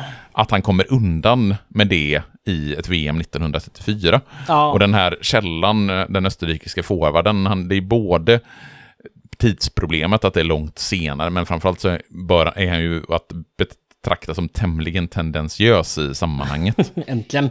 Han talar ju lite i egen sak får man väl säga liksom. Ja, ehm, minst sagt. Men ja. och, vi kan väl åtminstone konstatera det, att eftervärldens dom har varit ganska hård mot Ivan Eklind, den svenska domaren. Mm. Både för hans insats i semifinalen, men också för hans insats i finalen. Ja, man är sugen på att prata med någon som vet mer om Ivan Eklind. Han dog ju själv 1981, vill jag minnas. Mm. Så att, eh, det, aha, vi kan ju inte prata om det. Jag vet inte om det finns intervjuer. Jag får kolla i arkivet och se hur mycket... Det kanske blir ett specialavsnitt, eventuellt, ja, om Ivan Eklind. Vi lovar inget, så har vi inget lovat. Nej, låt oss gå till Tjeckoslovakien-Tyskland. Det är ju också en intressant match ur det perspektivet att uh, Tyskland kommer att invadera Tjeckoslovakien bara fyra år efter den här VM-turneringen. Men det kommer senare. Nej, det är precis. Uh, och den här matchen spelas i Rom och uh, även den, ja, ja, åttondelsfinalerna spelades alla samtidigt, kvartsfinalerna spelades alla samtidigt och även semifinalerna spelades samtidigt. Man har ju liksom inga tv... Eh, ja, man har inga tv-sändningar. Det är inte så att folk kan sitta hemma och, och, kolla på matcherna och att man då vill sprida ut det som man ju gör mycket nu för tiden. Utan det, man kunde lika gärna lägga matcherna samtidigt. Stor matchhjälte här blir skytteligavinnaren som jag återkommer till hela tiden, Aldrich Nejedli. Han stod faktiskt för ett hattrick för Tjeckoslovakien. Eh, han gav dem ledningen efter 21 minuter och sen gav han dem ledningen... Eh, nej. Eh, han gav dem ledningen eh, för första gången efter 21 minuter. Och igen eh, i, efter 69 minuter innan han satte 3-1 med 10 minuter kvar. Tysken Rudolf Noack hade kvitterat efter dryga timmen men eh, Ja, åt Nejedly gick inget att göra. Enligt eh, Fielder, Robert Fielder i hans bok så var det en duell mellan två olika spelsätt. Det mer tekniska Tjeckien och det fysiska Tyskland. Eh, Dagens Nyheter rapporterar om ett svagt och slött Tjeckien som måhända kan ha underskattat tyskarna. Men ja, till final tog de sig ändå. Något intressant så ska det faktiskt... Den här matchen spelades som sagt i Rom. Och det är den här som Mussolini ska ha varit och sett. Att han inte åkte och såg Italien kan man ju ändå förundras över. Ja, men det var, väl enklare, det var väl enklare för honom. Han var väl ändå i Rom så att han tog väl det som var närmast. Ja, kanske var han så säker på att Ivan Eklund skulle fixa, fixa finalen till Italien. Mhm, mm mhm. Så kan det ha varit, så kan det ha varit. Ja, och jag vill stanna vid lite här för det här hattricket från Aldrich Neidley, det tog honom till fem gjorda mål. Eh, och de här, det här var hans sista mål i turneringen. Vi kan ju spoila att han inte gör något mål i, i finalen. Eh, och han vann skytteligan på fem mål. Tvåan, eller tvåorna, slutade på fyra. Men Nejedly dog ovetandes om att han var ensam skytteligavinnare. Eh, för det blev han inte förrän 2006, eh, samtidigt, eh, i samma skrivelse till och med, tror jag, som Fifa officiellt gav Bert Patternord eh, äran som VM-historiens första hattrickskytt. Då fick också Nejedly ett, eh, ett, ett extra mål helt enkelt. Ursprungligen hade han bara noterat för två av tre målen i den här matchen, men eh, efterforskningar ska ha visat att han gjorde alla tre målen. Och det tog alltså honom upp till, till fem mål då. Tysklands Edmund Conan och Italiens Angelo Schiavo fick, eh, ja, de fick nöja sig med att dela andra platsen med sina fyra mål. Men eh, som sagt, eftersom det inte uppdagades då, eller ändrades officiellt förrän 2006, så visste Nejd inte detta när han dog då den 11 juni eh, 1990. Det är också intressant att notera hans dödsdag. Alltså han dog ju mitt under det andra världsmästerskapet som spelades i Italien. Alltså, ja som sagt 11 juni 1990 och dessutom dagen efter att hans Tjeckoslovakien slagit USA med 5-1. Så... Ja, det känns ju som att det här kan ju bli eh, upplagt för en briljant nördig quizfråga på något sätt. Jag vet inte riktigt hur den ska formuleras, men Nej. vi har någonting att jobba med här för att få den ultimata jättesvåra quizfrågan på vårt VM-quiz som vi ska hålla när vi har tagit oss en bra bit fram i turneringarna. Men, ja, ja, precis. Inte heller Conan eller Schiavio som ju då blev av med sin skyttelegasi kan man säga behövde lida av det. För även de, båda de dog också 1990. De här tre herrarna dog allihopa inom typ ett halvår. Det är att, ju också intressant i sig. Ja, det, jag tyckte det var värt att notera i alla fall. Men eh, med semifinalerna klara så kommer vi nu för första gången att ha en bronsmatch. Det var ju någonting som vi inte hade i det första världsmästerskapet 1930. Och här blir det ju intressant just för att Tyskland möter Österrike. Och Tyskland mötte ju Tjeckoslovakien i semifinalen, vilket eh, man skulle invadera 1938 och också Österrike invaderar man ju 1938 i det som kallas för Anschluss. Så Tyskland möter ju här inom loppet av bara några dagar två länder som man fyra år senare ska invadera. Österrike till fullo och ansluta medan Tjeckoslovakien tar man de västra delarna där det bor en majoritet av tyskar. Men om vi ska titta på matchen om bronspengen mellan dessa två nationer 1934. Vad är det som händer? Ja, nej men det finns i alla fall från Robert Fielder en, en liksom tanke om att båda lagen mer eller mindre bytte elvor och vilade många spelare i bronsmatchen.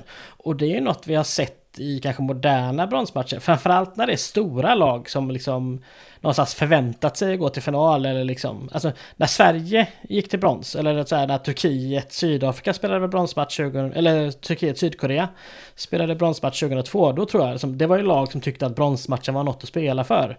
Men de gångerna Tyskland eller Brasilien eller sådär åker ur det semi, då är min känsla av att de kanske oftare roterar lite till bronsmatchen.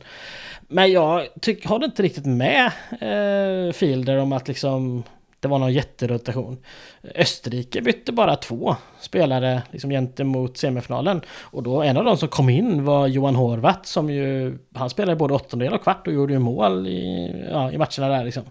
Tyskland, ja visst, de bytte fyra spelare. Varav en var målvakten och det, det kan man argumentera för att okej, okay, de, de roterade in sin målvakt. Men jag menar en av de som kom in, Paul Paul Janes, han spelade åttondelsfinalen. Så att liksom, det var inte så att man bytte in en himla massa spelare som inte gjort en minut. Så du tänker att du här har gjort ditt stora scoop och ditt stora avslöjande att Tyskland och Österrike inte alls roterade sina elvor och att det inte alls var B-lagen som ställdes mot varandra i bronsmatchen 1934, utan det är faktiskt det två ja, relativt fullvärdiga A-lag som ställs mot varandra. Är det det du säger? Ja, jag tycker man kan, jag, jag skulle inte kalla det för ett scoop, men jag tycker man kan konstatera att liksom, det är inga, det är inga B11 som går ut. Så tycker man kan konstatera. Men hur går då matchen? Matchen går, matchen går bra. Eh, tyskarna gör faktiskt turneringens snabbaste mål. Eh, Ernst Leiner gör mål efter 25, eh, 25 sekunder bara. Och sen sätter då skytteliga tvåan Konen, sätter 2-0 efter 27 minuter. Johan Horvath, den inbytte, eller ja, den intagne till den här matchen. Reducerar bara minuten senare. Eh, men sen skulle eh, Ernst Lene slå till igen strax före halvtidsvilan och man gick till halvtid med 3-1 som enligt DN skulle kunna vara en 5-1 ledning för tyskarna ska ha dominerat så pass. Karl Sesta reducerade tidigt in i den andra halvleken men fler mål fick vi inte. Så Tyskland tog sin första av många VM-medaljer 1934 efter att ha vunnit bronsmatchen med 3-2. Så vi har bronspengen färdig. Den går till Tyskland. Grattis Adolf Hitler. Och vi är framme vid den 10 juni 1934 och finalen av det andra världsmästerskapet i fotboll för herrar ska spelas i den italienska huvudstaden Rom. Och återigen så bör vi göra oss bekanta med den svenska domaren Ivan Eklind som ju dömer även finalen. Ja, det gör han. Och, och man kan väl säga så här, han sågas liksom inte helt, men där då. Men den generella uppfattningen är ju att han favoriserade italienarna ändå tydligt. Eh, det går rykten, eh, ingenting är bevisat, men det går rykten att han ska varit på middag med Mussolini då före semifinalen och förmodligen även före finalen kanske. Alltså det, eftersom att det är rykten så vet man inte, men mm, att Benito Mussolini ska på något sätt ha försökt påverka Ivan Eklind verkar ju någonstans troligt. Mm. Ehm, ja, om man läser litteratur så känns det ju som att de flesta som skriver om det här världsmästerskapet, de är väl, även om det inte går att bevisa, så är väl de enda, åtminstone nutida författare och historiker, något sån här överens om att Ivan Eklind är allt annat än partisk i semifinal respektive final. Mm. En sak som jag tycker också man inte får glömma riktigt här. Det är att liksom Benito Mussolini är i 50-årsåldern här. Ivan Eklund är bara 29 år gammal. Han är faktiskt den yngste VM-finaldomaren någonsin. Alltså, det, ingen efter har varit yngre. Att komma in som en 29, ja, 29-åring, en fascistledare, försöker påverka dig. Man, man kan ju också någonstans... Ja, det, det, är ju lätt att få sympati för Eklind att man liksom inte riktigt Alltså det är svårt att säga det här, nej men jag kommer döma en eh, rättvis och riktig match. kan jag tycka. Ja, och det är ju också så att eh, turneringen spelas i Italien och ja. Italien är sedan lång tid, eller åtminstone ett årtionde tillbaka, en fascistisk stat med vad, allt vad det innebär.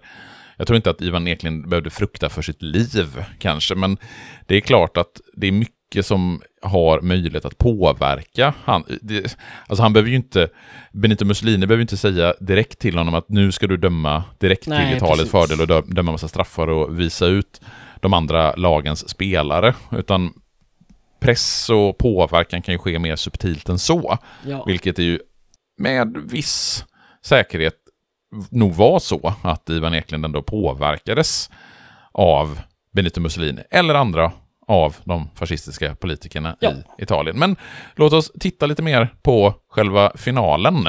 Mm. Vad har vi att säga om den?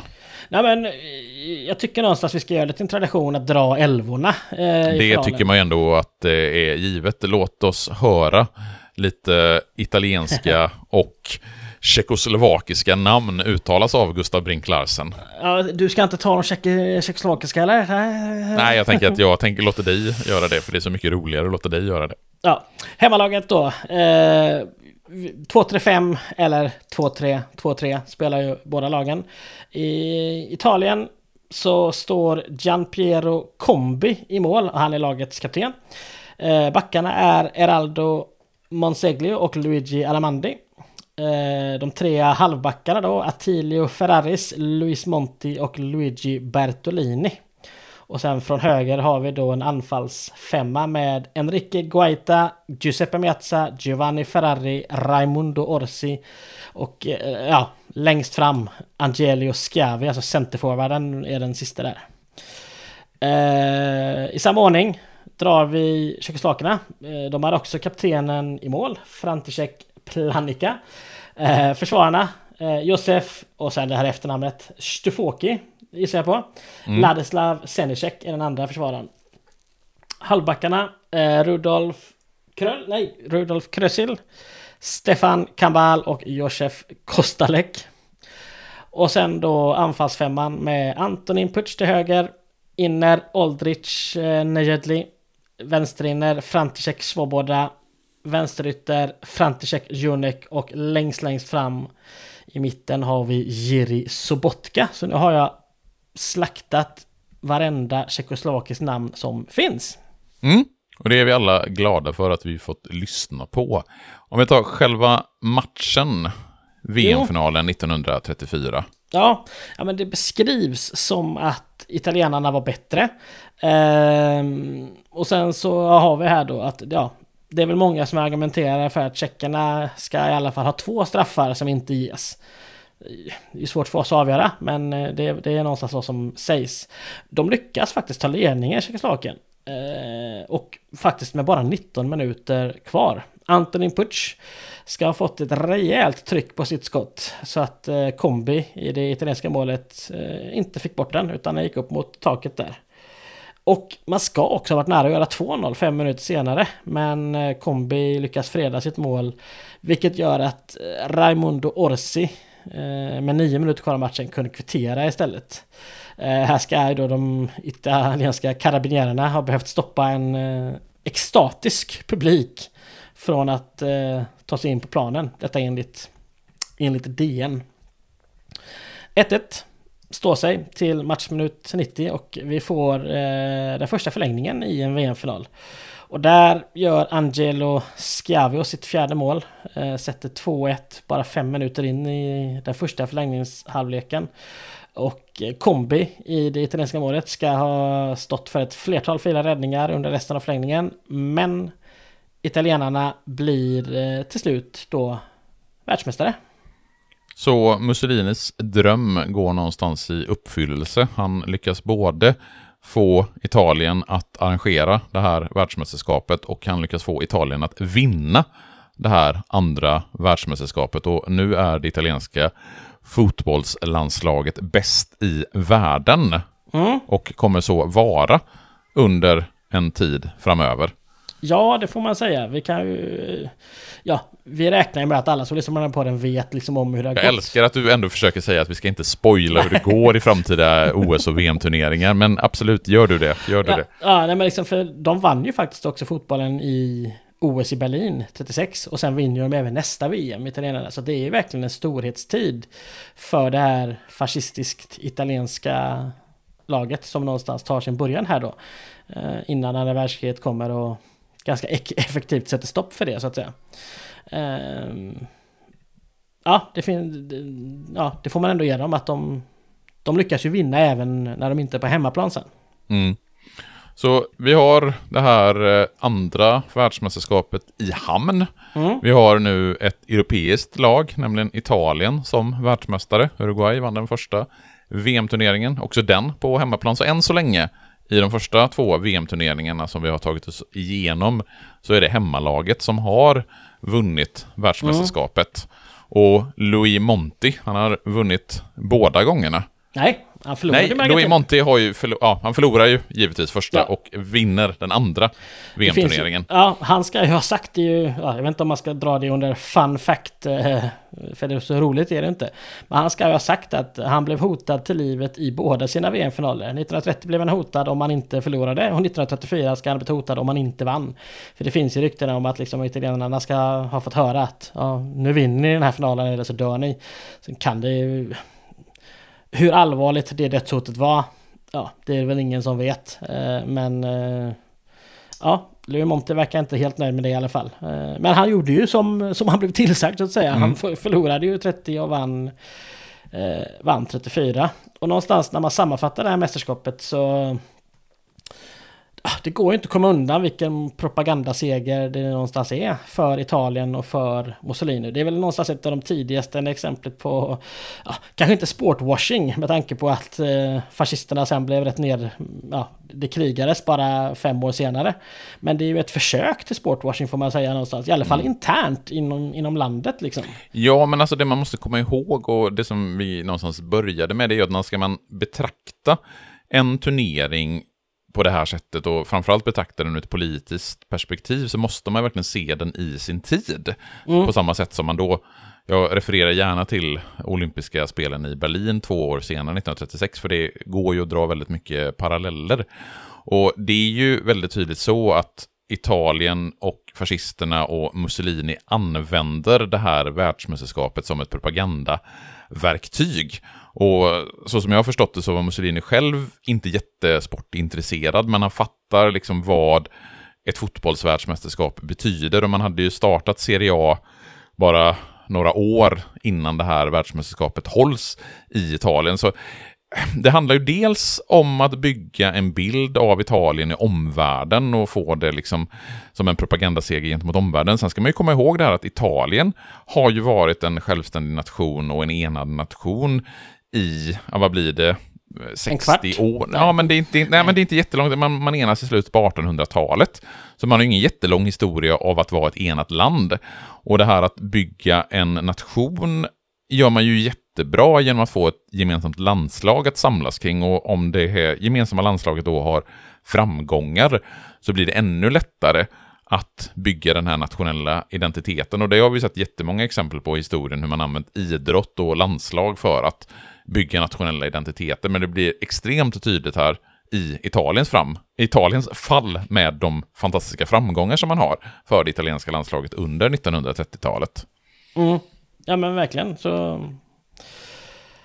Så är det ju. Och jag menar Mussolinis personliga inverkan, så så här, det finns ju de som påstår att men, Mussolini själv valde domare till vissa matcher och att eh, Fifas organisation blev liksom eh, ja, deras eh, evenemang och saker i logistiken bara ändrades om av fascisterna liksom. Så att det känns verkligen som att de tog alla chanser de kunde att göra det här mästerskapet till sin grej.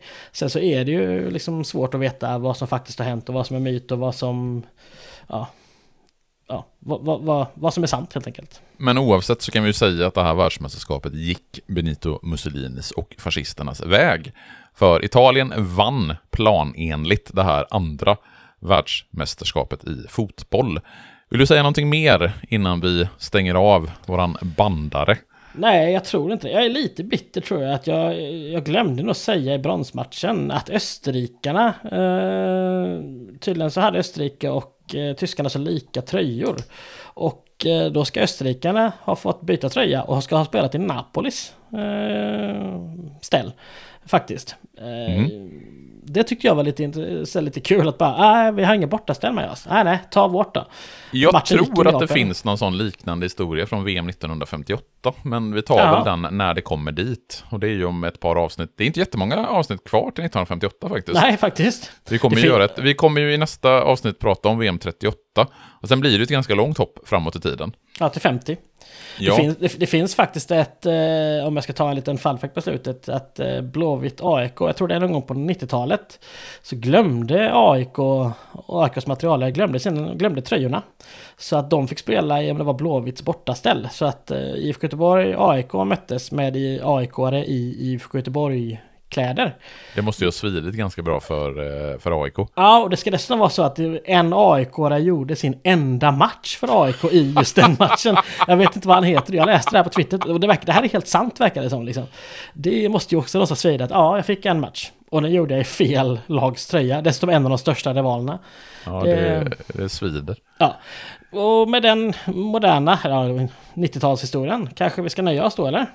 Ja, jag tycker väl att vi har täckt det här världsmästerskapet inna, inåt och utåt och framåt och bakåt och uppåt och neråt. Men för den som är månadsgivare på patreon.com mästerskap, masterskapspodden yes. så kommer det under oktober månad att läggas ut ännu mer fördjupningsmaterial. Vi får se vad Gustav hittar på för mm. godbitar. Jag, vet ju, jag har ju några favoriter om spelsystem och den svenska domaren Ivan Eklind på min se. önskelista. Vi får väl se vad du hittar på för godbitar åt oss som är månadsgivare på patreon.com. Yes. Vi finns på sociala medier. Vi har ett Instagramkonto Mästerskapspodden och ett Twitterkonto. Det går väl att söka på Mästerskapspodden gissar jag. På Twitter så hittar man oss.